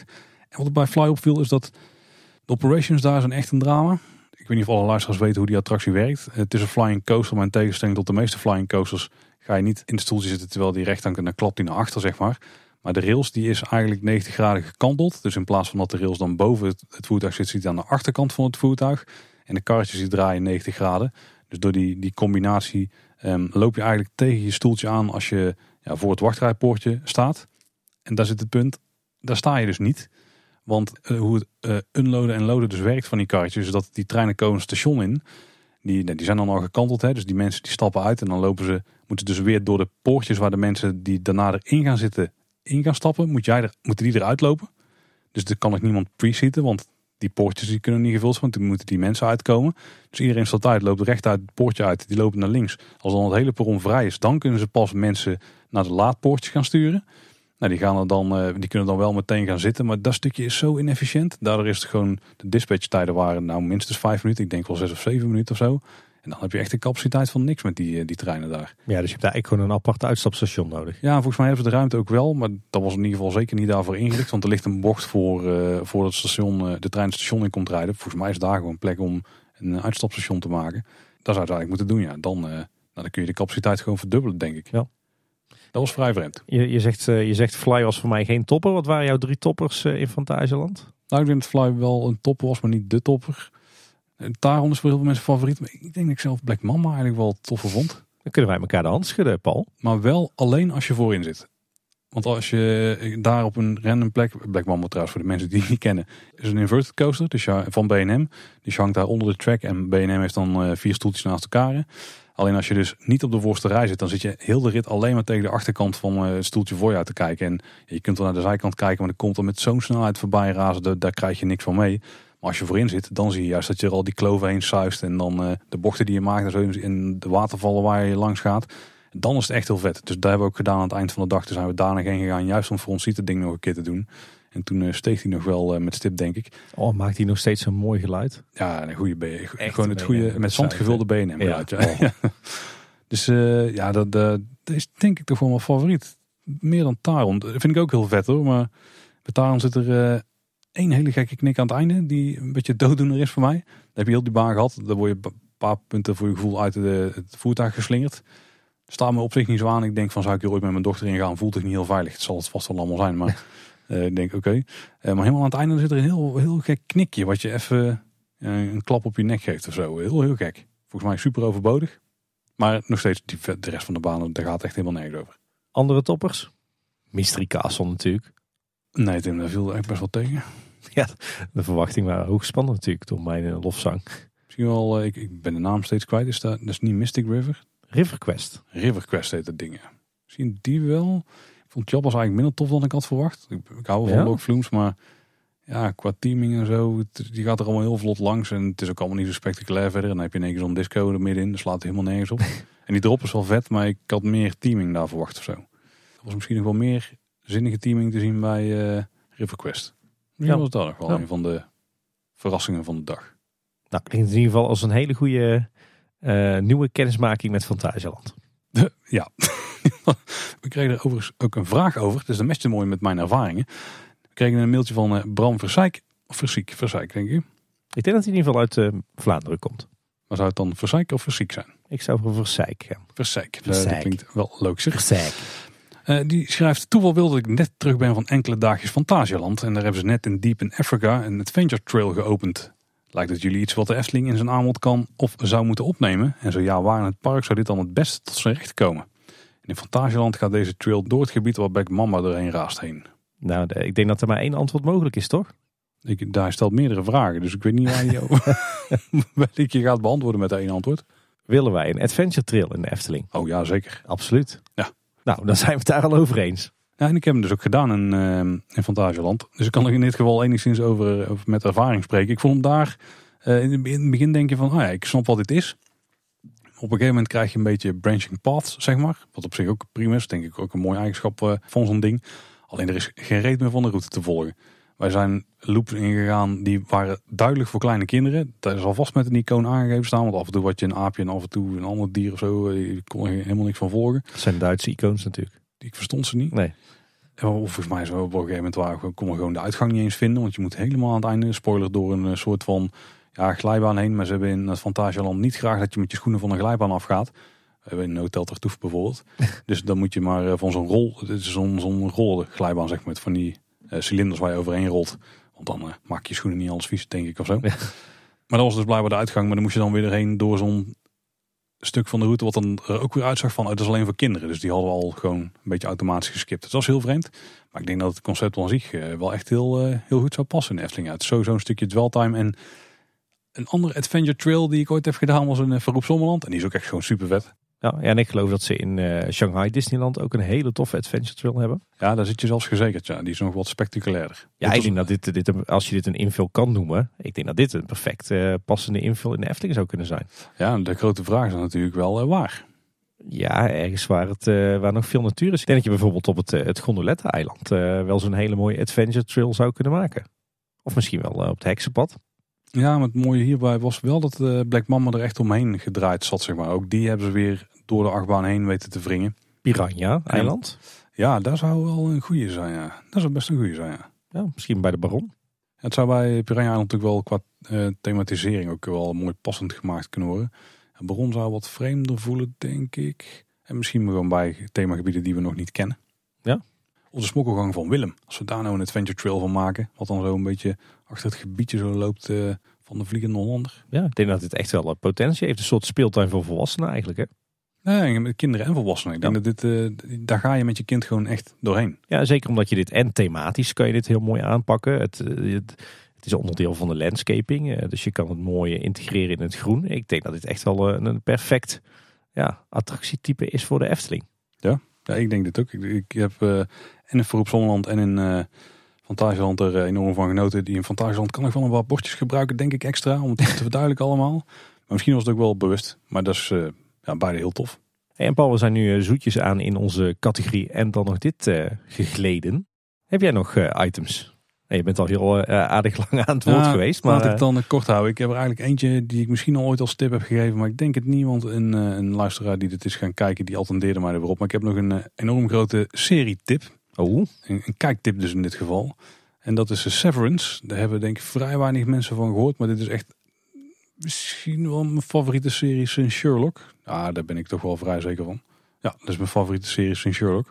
Een, eh, een dramaserie op, nou ja, drama. Een, een fictieserie op, eh Ja. eh, zeg je dat goed? Ik mag niet te veel spoilen. Nou, ik mag niet te veel spoilen. Laten we op een fictieserie houden. Eh, je kunt hem alleen kijken op Apple TV Plus. Dus voor heel veel mensen misschien een beetje een, eh, een drempel die opgeworpen wordt. Maar mocht je toevallig via je werk of gewoon zelf eh, aan een nieuwe iOS-apparaat komen. Of je koopt zo'n Apple TV blokje. Volgens mij zelfs bij heel veel tv's zitten tegenwoordig standaard een app op. En als je die activeert dan krijg je ook gewoon een, een tijdje het gratis. kan kan je het ook als DVD kopen? Absoluut niet. Oh, dat is jammer. Dat heb ik vandaag wel gedaan met een serie die alleen op HBO draaide. Dan zou ik eh, zeker het hele kijkplezier te niet doen. Want eh, het zit ook zeer goed in elkaar. Goede acteurs en zo. Maar het is vooral het verhaal en het, eigenlijk nou, misschien nog zelfs wel meer het concept achter de serie wat mij enorm aansprak. En heeft me ook serieus gewoon eh, dagen wakker gehouden. Oh, Dat ik constant eraan dacht van, maar hoe zou dit dan werken in die, in die wereld, zeg maar. En hoe zou dit dan in elkaar steken? En hoe zou dit dan gaan? En ik, maar je, je moet me iets meer geven, Paul. Je zegt een fi- fictieserie, maar dan ik weet niks. Wat, wat, wat, wat kan je wel vertellen? Eh, in de eerste aflevering wordt eigenlijk vrijwel het hele concept uitgelegd waarvan ik dacht van, oeh, dat heb ik per ongeluk gehoord. En daar gaan ze natuurlijk uitsmeren over meerdere afleveringen. Dus misschien kan ik dat wel verklappen. Maar dan denk je nog steeds van, hm. Het komt er eigenlijk op neer dat, je, dat er een techniek ontwikkeld is. eh, in de Verenigde Staten in dit geval door een eh, groot bedrijf, door Lumen. Waar ze het praktisch voor gebruiken is dat als jij naar het werk gaat. En je moet daar bijvoorbeeld allemaal classified dingen doen. Dat jouw, eh, ja, jouw werkgeheugen wordt gescheiden van jouw dagelijks leven geheugen. En dat die dus niks van elkaar weten. Terwijl je op het werk bent, weet je niks van wat er buiten de deur gebeurt. Maar als je buiten de deur bent, heb je ook geen enkel idee van wat je op het werk hebt gedaan, zeg maar. Oh, dat laatste, daar, eh, daar maak ik een goede gewoonte van. Nou, daar spelen ze dus ook wel enigszins op in daar. En ook heel veel eh, kantoorclichés en zo. En heel veel van de ethische kwesties en zo. Ja, het zit echt super vet in Oh. elkaar. En er zit ook nog een spannend verhaal achter en zo. Dus eh, Zo een beetje sci-fi ook wel? Of? ja, ik probeer het net niet te spoilen. Maar dit, draagt natuurlijk wel sci-fi aan. Maar het is niks met ruimteschepen of, eh, of gekke Nee. dingen. Het is gewoon iets wat in principe niet zou kunnen. Maar misschien ooit wel. Hmm, klinkt intrigerend. En de setting is heel vet en al- alles is gewoon vet in die serie. Ik had hem een paar mensen al horen tippen als eh, een supergoeie serie. En ik dacht, nou ja, oké, het zal wel. Maar eh, die verwachtingen zijn overtroffen. Vet. Zeker vet. Dus Ja. eh, kijk je die op als je de mogelijkheid hebt. En anders probeer, je- volgens mij kun je zelfs een proefabonnementje pakken van 30 dagen of zo. Dan, je moet alleen iets hebben om het op te kijken. Daar zitten de meeste tv's of mediabox-achtige dingen. En eh, gewoon kijken die als je dan toch bezig bent, kijk meteen For All Mankind. Wat een extreem vette serie is over de ruimtevaart. En eh Ted Lasso. Maar die heb ik al eerder getipt volgens mij. Daar hoor ik jou iedere dag over, Paul. En Tim, jij nog en dan nog ditjes. Ja, ik ben wel benieuwd, eh, Paul. Heb jij de nieuwste videoclip van Visie Jack al gezien? Ik heb hem niet gezien, maar ik weet wel wie daarin opkomt draven. 1, 2, 3. Ik wil een Wiener Schnitzel. Dat is helemaal jouw genre natuurlijk. Dus jij volgt het op de voet. Nou, het is totaal niet mijn genre. Ik denk wel vanavond op de foute party in de Efteling, eh, in het Efteling Theater. Oeh, dat zou zomaar kunnen, ja. Maar eh, ja, kunnen, we- gaan we er iets van verklappen? Nee, ik denk het niet. Eh, kijk vooral even de videoclip van Visie Jack. En er komt wel in ieder geval één bekend gezicht voorbij, misschien wel twee. Nou, misschien zelfs wel meerdere, want volgens mij zitten er zelfs enkele luisteraars van ons in die clip. Denk het ook. Hij is in ieder geval bij ons thuis een grote hit. We hebben in de afgelopen dagen nog een extra aflevering opgenomen. Niet van Kleine Boodschap, maar van de buitenwereld. Ja, de buitenwereld 11 alweer. Ja, en die gaat over, onder andere over jouw reis naar Wenen. Maar jij kon het niet laten om er toch nog uitgebreider op een andere plek over te praten. Nee, klopt inderdaad. Nou, uitgebreider wil ik niet zeggen. Ik denk dat ik wel meer over Wenen vertel in, eh, in de buitenwereld. Maar eh, nee, eh, Anne en ik waren te gasten in Zoo Insight, de podcast over dierentuinen. Eh nummertje 180, of nou ja, te gast. Deze keer een voice clip van ons samen over de Weense dierentuinen. En nog meer daarover binnenkort bij de buitenwereld. En verder hadden we laatst wel een, eh, een hele toffe ervaring. Eh, Anne en ik, ja, wij zijn ook dol op eh, muziekfestivals. En een van de festivals die we eigenlijk stevast bezochten voorheen was Appelpop. Het, het gratis muziekfestival in Tiel. Wat echt wel serieuze proporties heeft tegenwoordig. En ja, zo'n vraag die je dan altijd stelt op het moment dat je, dat je zwanger bent of dat je kinderen hebt, maar die zijn bij de oppas zodat jij lekker naar een festival kan, is toch, goh, hoe zou het zijn om hier met je eigen kinderen te staan op zo'n muziekfestival?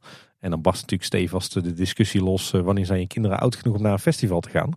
Ja, dit voorjaar waren we al een keer met eh, de oudste dochter naar een festival in Utrecht geweest. En eh, nu deze maand hebben we gewoon lekker beide dochters meegenomen naar, naar Appelpop. En daar hebben ze meteen de volle festivalervaring eh, gehad. Met onder meer optredens van Suzanne, Freek en Antoon. Maar ook echt enorme drukte. Eh Dixies, daar zijn ze niet zo'n fan van, kan ik je vertellen. Eh, het was ook echt eh, enorm wisselvallig weer met regen. Het was echt een zee van modder. Dat was echt, Regelen er alleen water of ja, nou, de- vooral water, ja. vooral water? Dus, hebben ze echt, als het vooral water was, maar ook nog wel andere dingen, Ja. dan was het echt een festival. Ja, precies. En echt, het was, er was echt een zee van modder. Echt een hele diepe laag waar je doorheen moest ploegen. Ook trouwens een tip, als je kids eerst door de modder lopen in hun laarsjes, dan moet je ze daarna niet op je nek nemen. Dus kwam ik eh, door schade en schande achter. Eh, maar nee, echt, eh, echt ongelooflijk tof om dus met je, met je eigen kids op een festival te, te staan. En ja, het was eigenlijk een verrassend groot succes. Natuurlijk wel oorkappen op en op tijd wat, wat afwisselen. Ook de Silent Disco was, was daar een hele toffe plek voor. Dus nee, ja, de kids zijn nu ook besmet met het, het festivalvirus. Dat is geen verkeerd virus om te hebben. Nee. Ja, en afgelopen weekend eh, was eh, eh, af en toe even schakelen. We wilden eigenlijk naar Toverland gaan. Maar ja, Phoenix was dicht. En het bleek ook dat er geen kortingskaartjes waren vanwege Halloween. Dus dat werd hem niet. Ik ben ook bang dat ik er vanaf nu ook niet meer binnenkom. dat er een, een foto bij de kassa hangt. Maar goed. Toen dachten we, nou dan gaan we naar Naturalis. Het Natuurmuseum in Leiden. Daar hebben ze een nieuwe attractie geopend. Rexperience. Ja, Een daar soort, eh, een keer heen. Ja. Ja, een soort eh, simulator, annex. Ja, eh, dark ride met een grote dino animatronic. Dat laatste was het enige wat je nodig had om het eh, te verkopen. Precies. Nou, onze kinderen zijn allebei eh, gigantisch dino-fanaat. Wij trouwens ook wel. Dus we dachten, we gaan naar de Rexperience. Kaartjes gekocht. Krijg je een mail. Ja, we zien dat u eh, eh, met kinderen naar eh, de Rexperience eh, wil. Maar dat is niet de bedoeling. Hè? Ja, hoezo niet dan? Ja, eh, eh, we raden aan dat de kinderen acht zijn. Zei, nou, die van ons, eh, fijn, leuk dat je dat aanraadt, maar eh, we wilden graag naartoe. Die van ons zijn wel aardig wat gewend qua dino's en animatronics en attracties. Ja, ja, maar uw kinderen zijn echt veel te jong. Hè? Maak ik zelf toch wel uit. Nee, nee, we raden ten zeerste af. En als u toch komt en eh, ze willen eruit, dan gaan we dat niet doen. En we hebben al zoveel gezeik gehad met kinderen die gaan huilen. En dan moeten we de show stilzetten. En storingen. En nou, een heel gezeik. Uiteindelijk de knoop doorgehakt en gezegd... eh, Ja, weet je, zoek het uit. Voorlopig geen naturalis meer voor ons. En tot overmaat van ramp kregen we ook nog niet eens uh, de 8 euro terug die we hadden uh, besteed aan vier kaartjes voor de Experience. Oh, Toen zei ze ja, ja, had u op de website kunnen zien. Ja, nou dat ze zelf zeggen van kom maar niet. Dat hebben we ook gezien. En we dachten dat gaat prima. Ja. Nou zit jullie te zeuren. Hè? Ja, nou ja, dus okay. die planten vielen in het water. Maar in plaats daarvan een heel leuk bezoek gebracht aan uh, Dierenrijk. Natuurlijk de, de dierentuin hier in Nune. Het is een ongelooflijk toffe dierentuin met kinderen. Vanwege alle, alle vele speeltuinen. Maar ook, het is gewoon een, een redelijk compact park. En redelijk overzichtelijk. En ja, vooral een voordeel is, is dat de kinderen de dieren echt eh, overal van heel dichtbij kunnen zien. Dus dat was heel tof. En de dag erna zijn we nog naar het, eh, het Oertijdmuseum in Boksel geweest. Wat, dan, eh, wat we dan maar als vervanging van Naturalis hadden gedaan. Want ja, daar kan je binnen en buiten ook heel wat, wat dino's zien. Al is het bij Vlagen wel plastic fantastic. en ook trouwens nog, nog heerlijk geluncht bij Groot Spijk in Oosterwijk. Dus nee, dat was uiteindelijk alsnog een, een heel tof weekend. Iets wat trouwens ook opviel in Dierenrijk is dat ze daar nu ook een algeheel rookverbod hebben in het park. Met uitzondering van een, eh, een aantal afgebakende rookplekken. En eigenlijk heb ik bij heel veel attracties de afgelopen weken eh, een algeheel rookverbod eh, gezien. Ook laatst weer een Drivliet trouwens. Ja, denk nu toch echt, waarom kan de Efteling in vredesnaam niet ook een algeheel rookverbod invoeren met hier en daar een afgebakende rookplek? ik denk dat ze daar eigenlijk al vrij laat mee zijn, maar laten we er alsjeblieft niet nog langer mee wachten. Want ja, je bent de marktleider en dan mag je af en toe toch best een keer je spierballen laten zien in dit soort kwesties.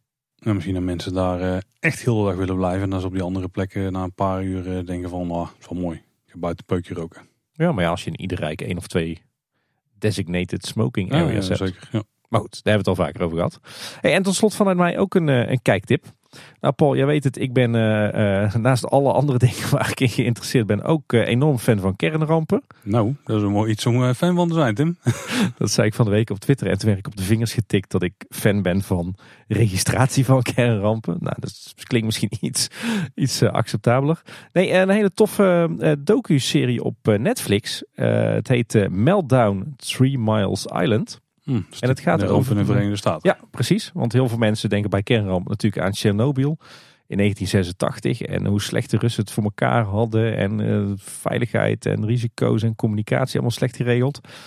Maar wat blijkt nou? Uh, een aantal jaar eerder vond er een ja, redelijk vergelijkbare kernramp uh, plaats in de VS. En neem van mij aan, daar ging ook het nodige mis. Een hele intrigerende serie. En waar heb je die gekeken? Op Netflix. Ja, absoluut een aanrader als je ook wat hebt met uh, kernrampen. Wie niet? En luisteraars, dan zijn we aan het einde van de aflevering gekomen. Wel een paar oproepen die we even willen herhalen, die we eerder in deze aflevering ook al deden natuurlijk. Zo hebben we Kleine Boodschap 300 die eraan komt. Daar zoeken we nog steeds wat voice clips voor. Ja, en stel ons lekker uh, uitdagende vragen zou ik uh, zeggen. Ze mogen best prikkelend zijn en ze hoeven ook niet per se alleen maar over de Efteling te gaan. Dus kom maar op met die voice clips. En die mail je dan naar info.kleineboodschap.com. En je kunt ook ons nomineren of een andere pretparkpodcast. Tenminste, daar hadden we aan. Doe iets uit de categorie nomineren bij de Dutch Podcast Awards 2022. Ja, en dat, uh, dat nomineren dat kan op podcastawards.nl. Dat is makkelijk te onthouden. Overigens uh, hebben we geen stellingen meer nodig voor de Glazen Pol 2022. Want die is inmiddels in voorbereiding. Ja, dat is de aflevering van volgende week hè? Wil je verder iets anders kwijt of wil je op een andere manier een vraag bij ons krijgen? Daar hebben we een hoop manieren voor. Dus nogmaals de mail info.kleineboodschap.com. Maar je kunt ook naar de website gaan, dat is kleineboodschap.com. En daar vind je het contactformuliertje. En dan heb je ook een pagina slash volgen. En daar staan alle social media kanalen op waar wij te vinden zijn. Ja, en verder luister je Kleine Boodschap eh, natuurlijk in je favoriete podcast app. Zorg dan wel dat je je abonneert op ons, dan mis je geen enkele aflevering. En verder luister je ons ook eh, op Spotify of eh, via de website. En dat is kleineboodschap.com.